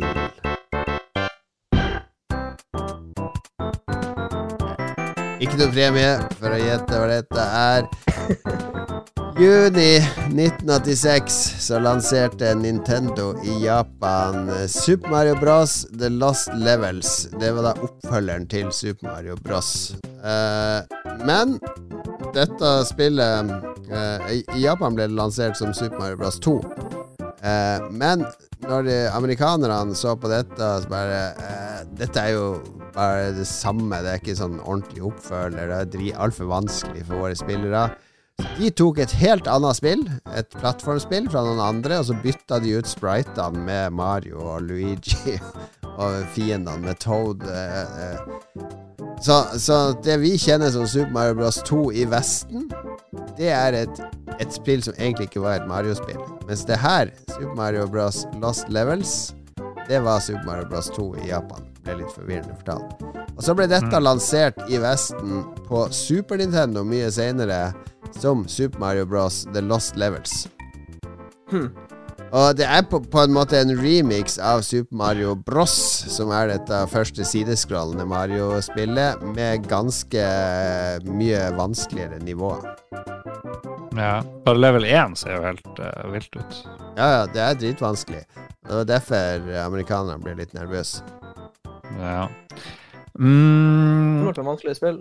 Det er sikkert gøy, det er sikkert artig. Vi var jo ikke sånne Nintendo-folk på den tida der, men eh, med at det er bare mer første Super Mario, jeg vet ikke hvor, eh, hvor originalt og eh, hvor mye impact hadde det her egentlig, hvis vi skal tenke kåring. Jeg vil heller gi stemme på alle de andre spillene, eh, til og med Split Image, eh, enn det her, selv om det er jo Mario. Og, Ja.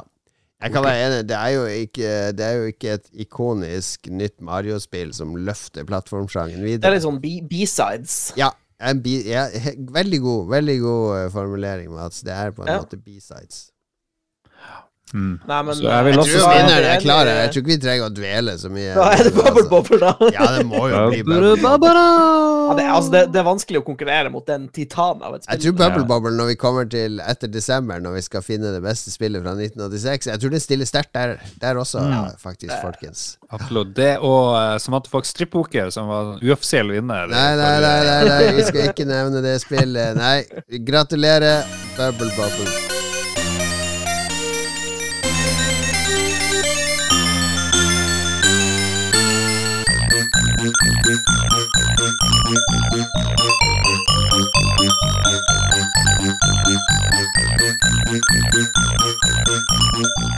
Litt sånn annoying musikk å høre på gjennom 100 nivåer, det skal jeg innrømme. All right. Anbefaling, folkens. Felk, Felkens. Folkens. Goodbye. Ja, kom igjen da, Lars. Det Ja, jeg har, jeg har to veldig gode anbefalinger. Er det noen som har uh, sletta ting i uh, sendeskjemaet? Nei, du må bare det. fjerne Det var en sånn thumbnail som kom over her. ja, du, du trykte på Super Mario-linken, Ja. du òg. Åh, jeg ble litt nervøs.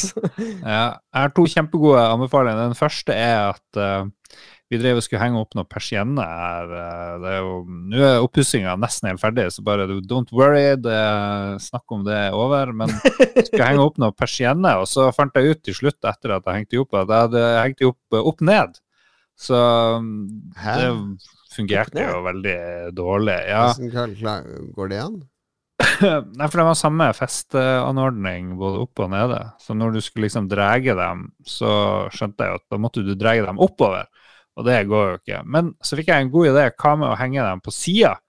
Så jeg prøvde meg på det, liksom, fordi jeg fikk sånn Ja, ja, man kan jo gjøre utradisjonelle ting på et vis. Og Det gikk veldig dårlig. Men hvis du eh, skrur dem fast, liksom både oppe og nede, og ikke bare oppe, så, eh, så fungerer det veldig artig. Det blir sånn, blir sånn original greie. De må være helt ute hele tida, men når du vipper dem, så blir de litt sånn eh, vertikaler i stedet for horisontale. Så det syns jeg er en veldig god eh, idé. Det er det dummeste jeg har hørt i mitt liv. dra videre til Hvorfor er det dumt? Jeg, vil- jeg, vil, jeg vil heller anbefale å bruke produktet på rett måte.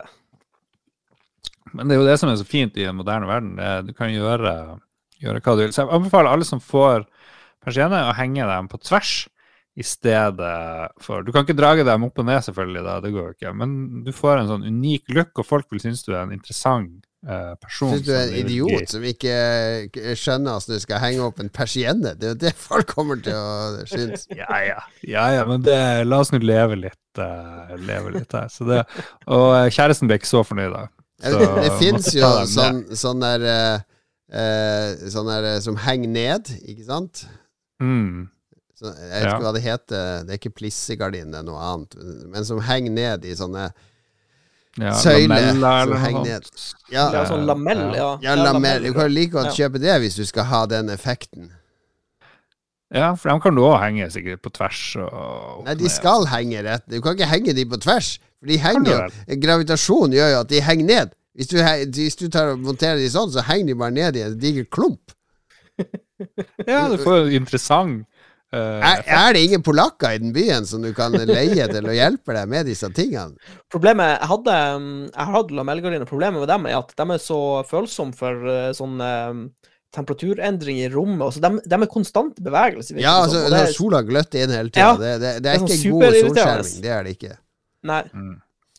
Jeg er helt Ja. enig. Ja ja. Nei, men det jeg, ja. Så da er det bare en kjapp eh, ja, ja, ja, anbefaling. kjempekjekt. Heng, eh, heng opp persienna på tvers. Hva var den andre anbefalinga di, Lars?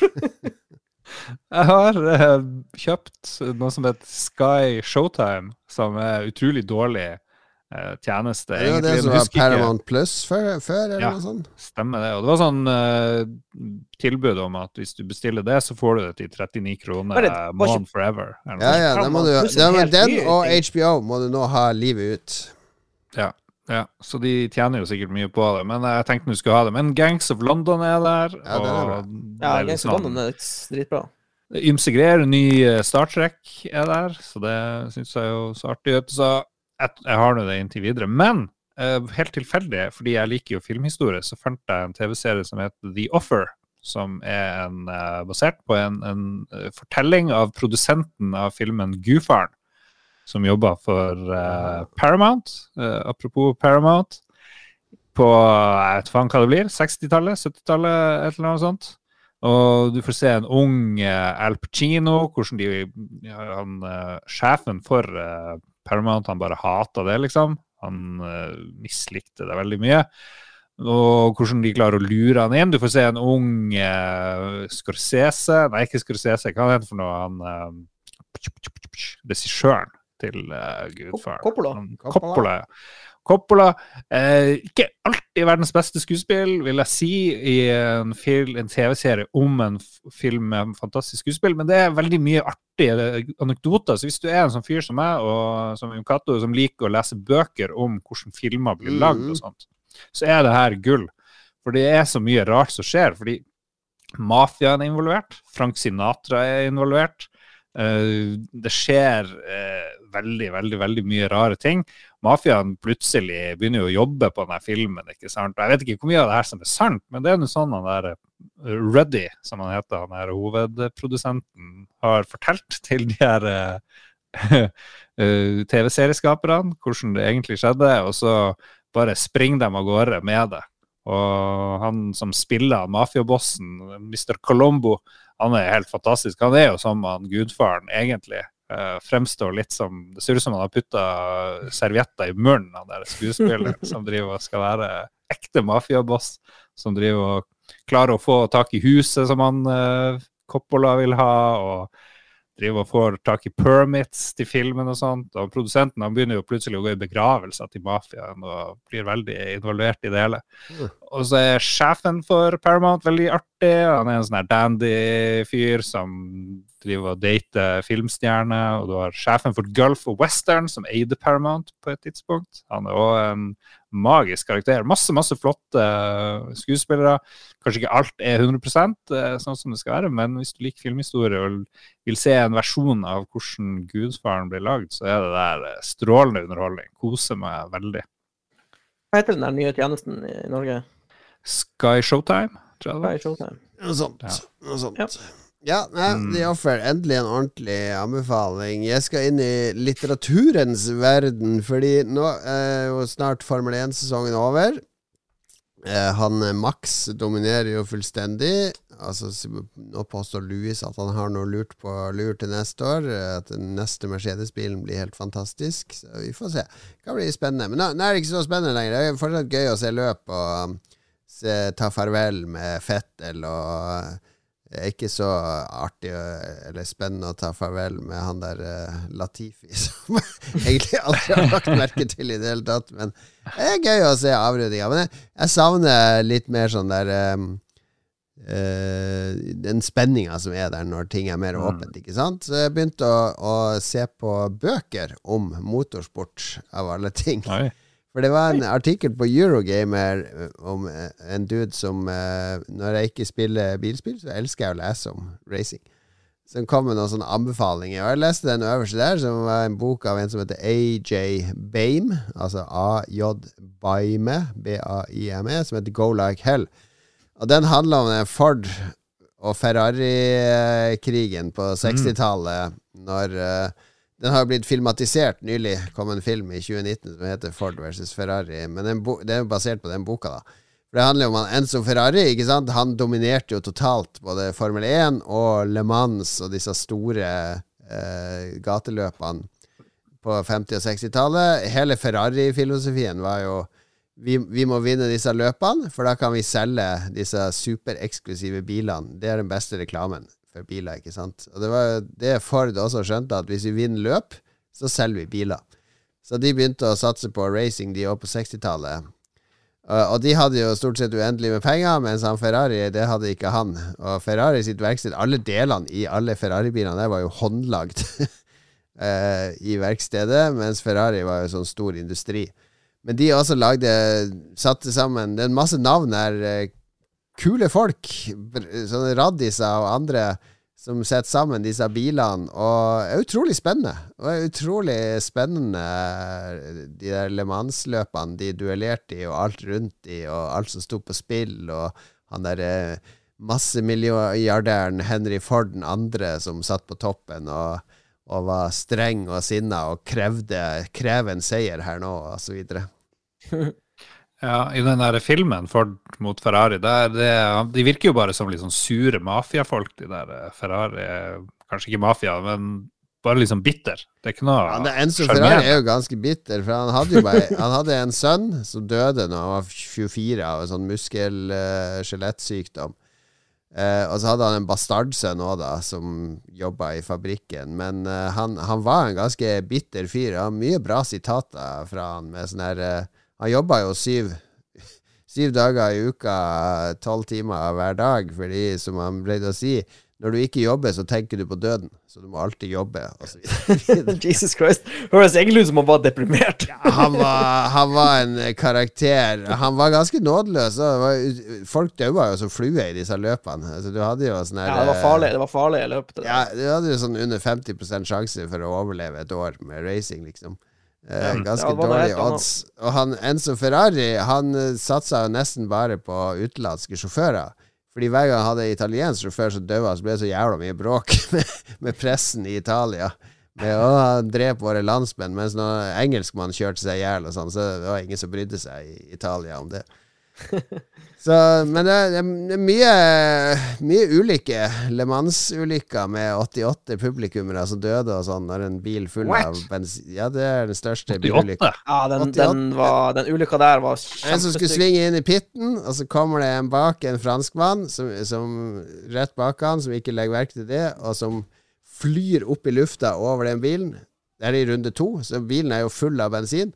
Og rett inn i publikum. Eh, kapper hodet av et par med, med vingen og eksploderer og tar med seg 80 mennesker i eksplosjonen som dør.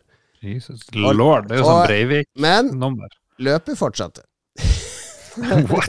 Jesus Ja, ja, ja. De krona vinner med champagne og alt et døgn etter, mens sykebilene fortsatt drev og frakta folk ut. Jeg har sett noe eh, Jeg tror det finnes video av den ulykka, faktisk. Det er ganske nar Ja, akkurat den vet jeg ikke det finnes. Det er, det er en i Mansa, fordi de begynte jo å filme Ja, på det denne tida òg. eh, Det er mulig jeg blander Ja, for den i Mansa med von Tripp, det er på en måte den første alvorlige ulykka som ble filma. Det er den siste, rett før den store siste svingen. Så er det han von Tripp og en annen som duellerer. Ja, for det var liksom oppløpssida, så fer det inn i Ja, det, det, det, den, før den siste svingen på Monsa, den store, lange 180-graderssvingen, seige, der du kan kjøre i femte-sjette gir, og så kommer du på oppløpssida. Rett før den så går han ut på den volden, og nå sto jo folk og står jo helt tett på banen, ikke sant. Så når han fer opp på den volden, så ta, tror jeg han tar med seg syv publikummere eller noe sånt i døden. For bilen bare pløyer de ned. Det var litt andre sånn sikkerhets... Og det ble filma, og da Da ble det reaksjoner. Fordi når du har det på film, når du ikke leser i avisen 20 stykk døde eh, Det er én ting. Men når du har det på film, og det snurrer og går på filmavisa på repeat, da begynte det å bli sånn Hm, her må vi begynne å se på sikkerhet. Da må vi kanskje ta noen, ta noen grep. Ja, det var ikke mandig å ha på seg sikkerhetsbelte heller. Det nekta jo de her sjåførene på denne tida. En annen artig ulykke i Le Mans som står om i den boka òg, det var en som fer av veien på den lange strekninga der du kjører opp i 250 km i timen. Fer av veien og inn i noen busker, og han overlevde da, men det var tre sånne små gutter som hadde sneket seg ned for å ligge helt ved banen inni de buskene, som han bare ploga over. De fant aldri ut hvem de foreldrene til de guttene var. da Det var noen lokale, noen gutter som hadde sneket seg dit. Det var, eh, det var andre tider. Det var bruk og kast med menneskeliv på Ja, den tida, sånn, rett og slett. eh, Det er Ganske drøyt. Ja, litt uh, Men den boka anbefaler jeg varmt. Jeg driver på med en ny en nå, som er biografien til han eh, Phil Hill, som også var med i Le Mans og alt på denne tida, og kjørte for Ferrari osv. Så, videre. så jeg er blitt litt sånn oppslukt i bøker om motorsport, motorsport. Og det hadde jeg aldri trodd om meg sjøl for ti år siden, at det skulle, jeg skulle lese noe sånt. Men det er min sengelektyre nå. Det var kult. Jeg har um, er en veldig enkel og rett fram anbefaling. Um, La meg gjette. vi, skal inn, Sportsdokumentar. vi skal inn til musikkverden, faktisk. Vi skal på Spotify. Uh, eller Bandcamp, eller hvor enn du får ja. tak i musikken din. Uh, det er bare et um, Det er et indiealbum uh, med ei dame som kaller seg for Skull Crusher. Litt sånn Artistnavnet matcher ikke helt uh, musikksjangeren, uh, må det sies. Uh, men hun har eh, sluppet et debutalbum som heter Quiet The Room, som er bare er utrolig, utrolig behagelig plate, rett og slett. Veldig sånn ro... Litt sånn Phoebe Bridgers som har roa seg litt ned, på en måte. Så ja. Rett og slett et, eh. behagelig, et behagelig album. Hun Phoebe fra Friends. Nei. nei. Ikke Phoebe. Nei, men det er bare ja, veldig sånn behagelig eh, musikk. Mm. Så hvis du, hvis du har lyst på et eh, rolig og fint indiealbum, så hiv på Skullcrusher, Quiet the Room, så eh, får du ro i sjela med en gang. Herregud, for noen bra anbefalinger denne uka. Et album, Skullcrusher, Quiet uh, The Room, som sikkert passer å ha på mens du leser uh, AG Bame, eh, Go Like Hell. Og når du er litt trøtt på å lese og vil slå på skjermen igjen, så er det bare å finne fram til Sky Showtime og The Offer. Eh, men så kommer sola og skinner på skjermen din, og da er det bare å finne deg noen persienner, og så henger de opp på tvers. Er ukas anbefaling i Lolbua.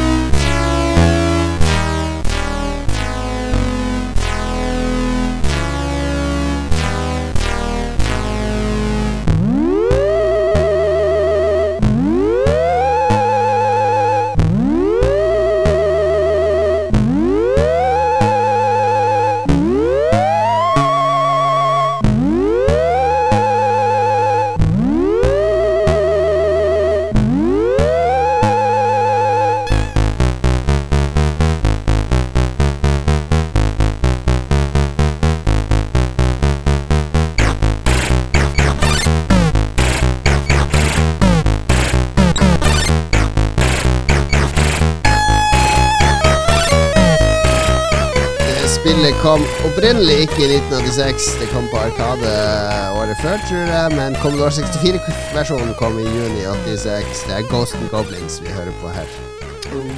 Når kommer alle de store spillene i 86, sånn som Eller eh, de andre store? Outrun og Metroid? De kommer, de kommer! Slapp av, jeg har kontroll! kontroll. Ha tillit nå, har. Lars. Ja, et- etter vi gikk glipp av uh, strippoker, så Du snakker om store spill, ikke store dritspill. Space Quest kom det i 86? Wow. Det kommer, Lars. 720! Oi, oi, oi, husker ikke det? Ikke Nei, spoilers. Det er spoilers. Enorme spoilers. Beklager. Ok, lytterspalten, så er vi klare. Så Lars, eh, det er noe galt med min eh, eh, Jeg får ikke laga kunst på den derre kunstgreia, så du må lage episodesplash, bare noe kvadratisk. 1400 ganger 1400. Så du må lage det med en gang etter episoden, for det Ja. skal lastes opp nå, rett etterpå. Ja, yeah. I'm on that mother. Jeg prøvde å cue 'Idiot uh, hanging up curtains in Norway'. Men jeg fikk bare en feilmelding, så du må fikse det. Ja, det er artig. Mm, ok, right. vi har et overkommelig antall eh, lytterbidrag hver Sweet. uke her. Sweet. Og eh, det er generelt tema. Mm, det her tror jeg vi hadde før. Ragnar Veien Tundal, hvilken skuespiller skulle spilt oss i filmen om LOL-bua? Vi begynner med Philip. Eh, litt Jeg tror det blir Johan Golden. Nei, eh. Guillermo del Toro kan spille Ja. Nei, ikke han. Han er litt for svær. Nei, jeg tenkte på han Benicio del Toro. Beni- Benicio. Ja. Benicio. Det, var, det er bra casting. Det er bra, Ja. Philip, altså. Mm, og så har vi Katarina. Hvem blir det? Pia Tjelta, for eksempel. Pia De er kjelta. Vi må ja, gå litt international, burde vi ikke det? International, ja. Mm, hvem er litt, litt eh, Ja, hun som er jo der, Sina Warrior Princess. Hva var det for noe? Lucy Lawless. Ja, der har du bra.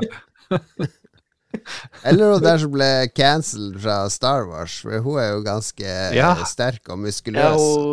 Ja. Gina et eller Gina annet. et eller annet.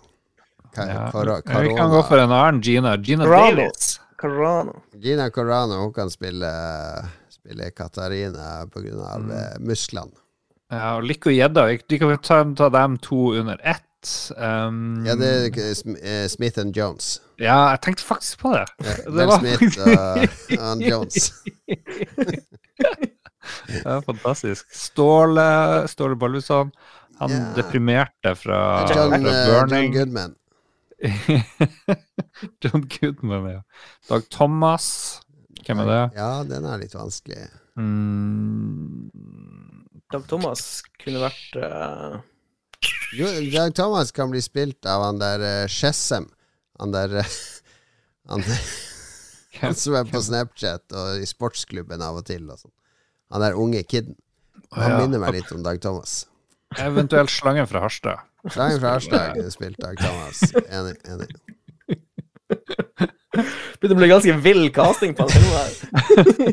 Jeg gleder meg til å se Gina Carano og vi har på casting. vi jo så mange i Lolbua nå. Er det Puntis og Adrian. Der Ja, har vi faen heller. Det, vi har ja, og Smith her. Jones igjen. Nei, liksom. ja Ja, det er mer Helland og Halland her. Så Ja. Laurel and Hardy kan spille de to. Ja, de kan spille dem. Og så er vi kommet til oss. Nei, Christian Tjessem, ja. Mm, Ja, han er Conan O'Brien. Nei, det må han bli han Hivju. Christopher Hivju. Bare finne høye folk som Ja, er skjegget gingers. og hårfargen har han jo, så Christopher Hivju. Ja. Ja, ja, jo, faktisk. Christ- Kristoffer Hivju er faktisk eh, Christian. Ja. Um, meg sjøl, der bør jo jeg, Gene Hackman er jo min favorittskuespiller, så jeg synes han kunne ikke, det er jo ikke spørsmål om hvem som var din favorittskuespiller, men eh, hvem Nei, som men- er perfekt han kan jo gjøre alt. det. Ja, ok. Jeg, jeg, jeg, Matt LeBlanc kan være det, Lars. Ja, det er jeg veldig med på. Eh, ja mm, Altså, Bjørn Sundquist kan få lov å være med. Ja Jeg tenkte på han som spilte i Dr. Downs, eller hva? Detective Downs. Ja, veldig, ja. Enten Bjørn Sundquist eller Peter Falk på meg. ja, så han som spilte Jason Bourne, det kan jo spille han Mats. Ja, Matt eh, Damon. Matt Matt Damon. Damon, Matt ja. Damon. Mats ja, Damon. Jeg er med på den. Matt Damon eh, vil gjøre en god Damon. Mats. Ja, så det er et godt spørsmål uh, igjen. Takk skal du ha, Ragnar. Du er on fire. Du er vår favorittlytter, Ragnar. Og Markus eh, Storm Dalsegg eh, lurer på hva er den mest guil guilty maten vi får i dere? Ja, Ferdigpoppa popkorn i Rema-pose. Ja, det min må være målet popkorn. Hans, vi kan nevne at hans er to stykk store kebab fra. Grytelokket. to. Én Wow. kylling og en vanlig, pluss én og en halv liter blodcola. Det må være med sukker. Ekstra på saus og mais. Det er ganske saftig. saftig eh, Han ser, han ser ikke ut som han spiser to eh, kebab på han, rad. holder seg, han holder seg godt. Ja, han trener mye på det kjøkkenet. Jeg vet ikke um, Alt sånn guilty, guilty som i at dette burde man ikke spise. Som det er litt Ja. over å spise. Eller sånn man ikke sier det til noen. Ja, det er ikke helt stuereint. Jeg har um, Jeg har ingen skam. Jeg, jeg spiser det jeg vil spise. En sånn foie gras, spiser du det, da? Det er litt sånn eh, Oh. Det kan folk Oh, kanskje ja. Det er jævlig godt. Å, nå begynner vi å snakke. Det er faktisk Ja, Jeg tror jeg ganske godt. har smakt det. Vi bare pimpa ned foie gras i Budapest. Vi spiste det i Budapest. Det var jævlig Ja, godt. det var Vi levde på no, foie gras. Naughty, naughty! Ja, det kan det være litt guilty følelse på, Ja. tror jeg. Ja, det er ikke bra. Nei, jeg vet ikke. Jeg spiser jo også eh, skamløst Burger King og Mækkern og, Mm. og sånt. Ja, jeg kjører pølse og potetmos og ketsjup-sennep og gjerne litt sprøstekt løk. Eh, Det ga jeg til Ja. eh, kjæresten de to første gangene hun kom til Harstad, før hun ba om nåde. Jeg bare satte barn så lavt som mulig på middagsfronten, sånn at hun ikke skulle tro at det kom til å bli noe særlig. Art. Clever, clever. Jeg, har, jeg tror eh, Jeg gjør det av og til fordi når jeg kjøper sånn blå Stratos, det er sånn Den liker jeg veldig godt. Den store oh. blå Stratosen. Og så liker jeg å drikke litt brus på hverdagene. Litt Pepsi Max. Jo, men sånn. vet du hva, når du, du er inne på den der, Kato, for en av mine sånne, en av mine sånne comfy-greier er Mårud ferdigpoppa popkorn, stor plate blå Stratos og eh, sukkercola. Det er liksom Den trioen er Det er noe Ja, som skjer men da. nå, nå skal, hvis jeg skal inn på gilt, Jeg er ikke guilt for at jeg spiser det, men jeg skal inn på guilt fordi jeg har jo tre barn. Jeg kan ikke drive og Ja. spise dette på en tirsdag. Ja, på en hverdag. er ja. det Hvorfor får pappa lov til det? ja, Vi ikke må sant. dele. Ikke sant? Ja, Så ja, jeg, av og til så Akkurat nå, så Etter, Akkurat nå så jeg har jeg gjemt sånn eh, tolvpakke med Pepsi-bokser bak en grøtpakke og noe nederst i kjøleskapet, for jeg vet at de kommer ikke til å lete der. Hvis de, hvis de vet at det er brus der, så kommer de til å snike og ta den etter skolen og sånn. Fantastisk. Og så Av og til så gjemmer jeg også sånn blå Stratos inni kjøleskapet under masse pålegg. Og jeg liker, for jeg liker, elsker at Stratosen er iskald. Den skal, den, ikke. sjokolade skal Den være blir i så hard. kjøleskapet. Åh, Nei, det men er den er god. Den er, Stratosen er god når han kan Knekk! Merkelig. Merkelige greier. Ok, veldig gode spørsmål eh, så Ja, langt. de, de er på Markus og Ragnar. De er våre, mine favorittlyttere. Ja. Så har vi vår kompis Vidar. eh. Ja, se der, ja. Sean Penn lurer han på. Er Sean Penn sin gave til Zelenskyj, altså den ukrainske presidenten, et patetisk ønske om oppmerksomhet rundt seg sjøl? Ja, du har ikke Hva han har gitt um, Jeg tror han har gitt uh, Oscaren eller sånn.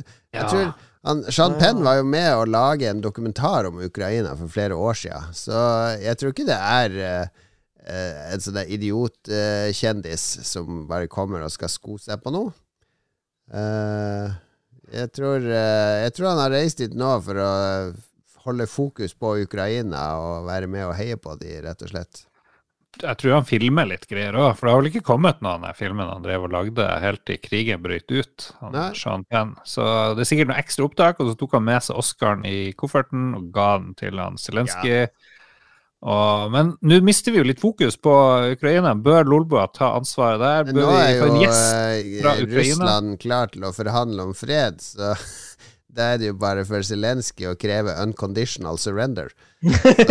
Så, så, så Nei, Russland har jo ikke en sjanse lenger nå, virker det som. Og de har mye mer folk. De kan pøse på i år og dag. Jeg tror det Jeg tror ikke de kan pøse på så mye lenger, for jeg tror moralen kommer til å være så lav at eh, det bare går ikke. Det, Men er har- det tomt for nazister i Ukraina nå, da? Var, det ikke, var det ikke satanister nå? De, Ja, det de har det, fått da. en jevn forsyning av narkotika fra Vesten, og eh, Nei, nei de, det virker som det går veien for Ukraina, altså. Jeg hå- håper, håper Kald vinter, kraftverkene er skutt ned av sånne her eh, iranske Ja, dronedrit. det er folk og- som har måttet stoppe eh, 50 km fra Moskva før og trekke seg tilbake, så det kan være at historien gjentar seg. Mhm. All right. Eh, skal vi se Vi må snakke om Sofie Elise, sier han. Per eh, Søvik. Hun har pod fått podkast på NRK, hun. Mm. Hun og der eh, venninna Felicia. Ja, fetisje. Fetisha, er det det vet du? Ja, ja. Felicia er jo der i Darkstalkers. eh, Det slåssespillet fra Capcom, den der hvite katten. Ingen som heter fetisj. Og så, ja, jeg syns det er lol, men uh, siste store nyheten som gikk national, Oi, var at hun, Sofie Elise var pillenarkoman eh, i en periode og måtte legge seg inn. Og, Jeg har ikke vært pillenarkoman i en periode. Ja, det er et eller annet. I mitt forsvar så staver jeg det i hodet mitt E F-E-T-I-C-I-A. Som i Som ser, ja. Som i C, ja. Nei, men jeg vet ikke. Jeg har, jeg har ikke noe En artig Sofie Elise-effekt jeg lærte, var jo at hun aldri vasker håret sitt.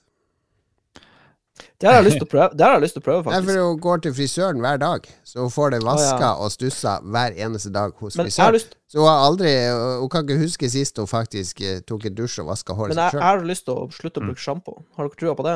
Ja, jeg tror på det. Du har jo et full head of eh, hair. Ja, jeg har eh, ingenting å miste. Nei. Nei, Nei, for jeg tror, at, jeg tror at hvis du slutter å bruke sjampo og bare skyller håret med vann, så tror jeg liksom håret, eller skalpen, klarer å regulere olja Ja, og sånn sjøl. Det sies. Det sies det skal bli veldig bra. Så det, jeg hadde tenkt å prøve det, men jeg gidder ikke. Uh, så gjør det. Kjører jeg en yolo og prøver det. Du tar, det er jo veldig prepperaktig. Ja, ikke sant? Da, da kutter jeg ut et produkt, et hverdagsprodukt som jeg ikke trenger. Jeg kan slutt med Ja. såpe òg. La oss, la oss ta én ting av gangen, du Tannkrem. Sjampo er jo bare såpe. Tannkrem trenger jeg. Ja, hvis du har mye hår på brystet, så skal du ikke vaske Jo, det men jeg tror ikke der heller. Jeg tror ikke um, Altså, jeg, tr- jeg tror du må kunne vaske håret hvis du får drit i det, men hvor mye Ok. Hva med kjønnshåret, altså rundt penis og sånn? Det, trenger, det skal du også bare skylle?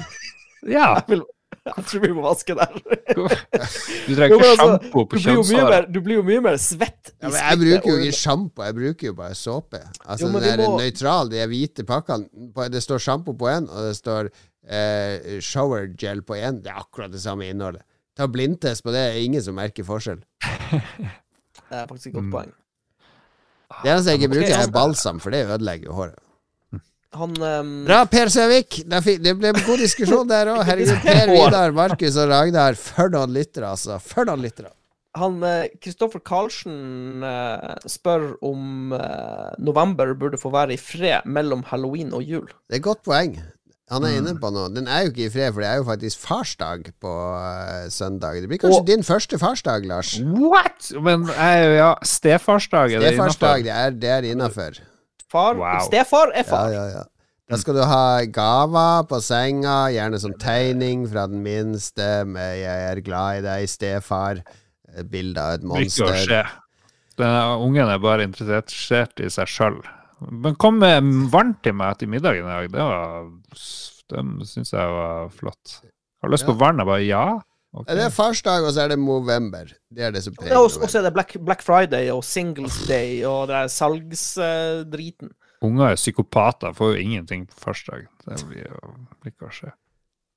Men november burde være en hvilemåned. Jeg er enig i Kristoffer at det, oktober er høstferie og halloween og masse Tenk- styr. Tenk, i, tenk hvor stress det er i USA med thanksgiving og Ja, det det der. har de der, ja. Det er sant. Thank you, Høsttakkefest, eller hva det heter. Ja. Black Thank Friday. you, Er dere for this meal we're about to consume. I'm thankful for turkeys. uh, ok, vi må jo bare gå videre. Skal vi se Hvem er neste? Rebekka Mø vil at vi skal snakke om pros and cons for at han Lem får seg bikkje. Hvem er lem? Ja. Det må jo være samboeren. Det er samboeren. ja. Lem. Det da, Lem det er dama til Rebekka. Masse skjegg på den dama til Rebekka. Nei, altså, det er samboeren. Det er samboeren, ja. Men de har jo Mm. tre katter òg, ser det ut som, på profilen. Ja. De bør jo få seg høre. En hund er jo mye morsommere enn katt. Det vil jeg jo si. Og det var veldig søte katter, da.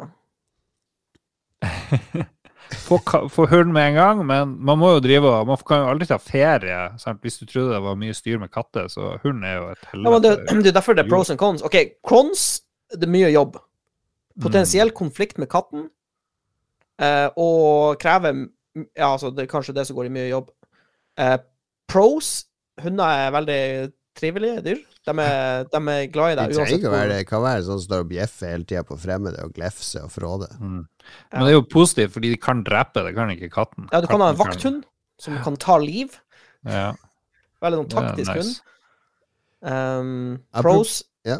Eh, eh, kan eh, Hvis du detter ned i en brønn, så kan hunden springe og hente hjelp. Ja. Og så kan du ha, investere i hunden, så den kan være i sånn hundekamp og drepe andre hunder, og så kan du tjene penger. Ja, det er godt. Det er sånne økonomiske grunner. Du kan Altså. også kjøpe en brukt narkohund, og så kan du dra ned f.eks. på Grønland og steder i Oslo der de selger mye narkotika, for de driver og stæsjer det inni, inni Ja. sånne murvegger og her og der. Så kan en hund spore opp, og det er masse gratis narkotika. Ja. Så vi har, fordeler. fire, vi har fire pros og bare to Ja. cons. Så fasiten er vel at han Lem får seg hund. Får hund. Så kan hunder bære ting òg. Du kan putte på en sånn sekk, og så bærer den ting. Du kan putte en sånn liten tønne under halsen på hund som kan ha Ja. konjakk i. Altså Ah. Når du er på Ah, skitur, så kan du bare legge deg på rygg, og så bare åpne den lille kranen. bare- Snakker vi Don ble Donald Duck plutselig? Ja, ja, ja, ja, ja. Alle hunder okay, burde vi ha har sånn han, tønne. eh, Vi har han Stian Schreven her som lurer på om det er normalt som voksen familiefar å gjemme seg på toalettet for å onanere. Lars. Eh, Ja. Notater, her må dere Her har dere faktisk eh, erfaring. ja, er det norm Hva du det er normalt for deg som sønn i huset, Mats, å gjemme deg på toalettet for å onanere? Jeg sitter her eh, stolt eh, i PC-stolen min og, og Du har et sånn eget sånn skilt som du henger ut på døra. 'Masturbation in progress. Do not enter'. Men liksom, når det masturberes eh, i kontorstol, det føler jeg blir litt for mye jobb. Jeg foretrekker en sofa eller seng, liksom. Litt laid back. Ja, litt mer laid back. Shit. Ja. Jeg gidder ikke å sitte i en kontorstol og runke. Det går ikke. Hvorfor ikke det? Hva om webkamera plutselig er på, liksom? Hvorfor skulle det være det? Nei, det er kinesiske hackere. Putin. Da får de Det awesome eh, Mats-footage. da får de noe jævlig bra ansiktsuttrykk. Ja, jeg synes, ja, Stia, det er jo selvfølgelig normalt å gjemme seg for å, å, Ja. å nappe løken. det er det. Helt normalt. Eh, Åssen går det med november. navnet november, karer? Ja. Sant? Jeg har feila, Eh, beklager. Dårlig. Veldig dårlig. Jeg har feila. Jeg er synd. Ok, vi får prøve igjen neste år. Sorry. Uh, til slutt er det David eh, Skaufjord. Herregud, for det er en bukett av lyttere denne gangen, altså. David, hvorfor snakker ingen om Commodore 64-spillet Stroker, sånn apropos? Ja, jeg måtte google det, og det er jo selvfølgelig en runkesimulator. Apropos No Nut November, så det passer jo veldig godt. Det er bare en stor kuk, og så er det runking, og den kan bli blå. Det ser ut som et fantastisk spill. Vår venn eh, Espen eh, Skoglund, eh, som er med på hytteturen hvert år og lager mat til oss, han har jo en tidligere karriere som hobbyspillutvikler, og et av hans første spill var jo Fuck the Princess på Commodore 64, der nivå 1 eh, satt du ved litt sånn hull i bakken, og så skulle du onanere, fylle det med sperm, så du kunne svømme over til andre sida av det hullet. Det var det. Bra spill. Takk, eh, produsentene, eh, som eh, mens dere masturberer. Go. Det var en uheldig avslutning av podkasten. Det går ikke. Åh. TTMXMP, Kenneth Kobrakar 84, Duke Å, Jarlsberg, herregud, så kjedelig du var. Bjørn Anders Ultrud. Takk skal dere ha. Takk til alle andre som hører på oss. Vi hyller avdøde Ben Daglish med denne låten her. Det er en ti minutter langt epos uh, prog si, uh, eh, rett og slett, fra spillet Trap. Det kom også i juni 1986. Ikke veldig bra spill, men uh, denne låten veldig, veldig flott. Vi hører litt på den, og så takker vi nok en episode med de tre nordnorske stjernene. Eh, Mats, er du fornøyd? Terningkast? Terningkast seks. Lars? Terningkast åtte. Og meg, terningkast 11 på en D12.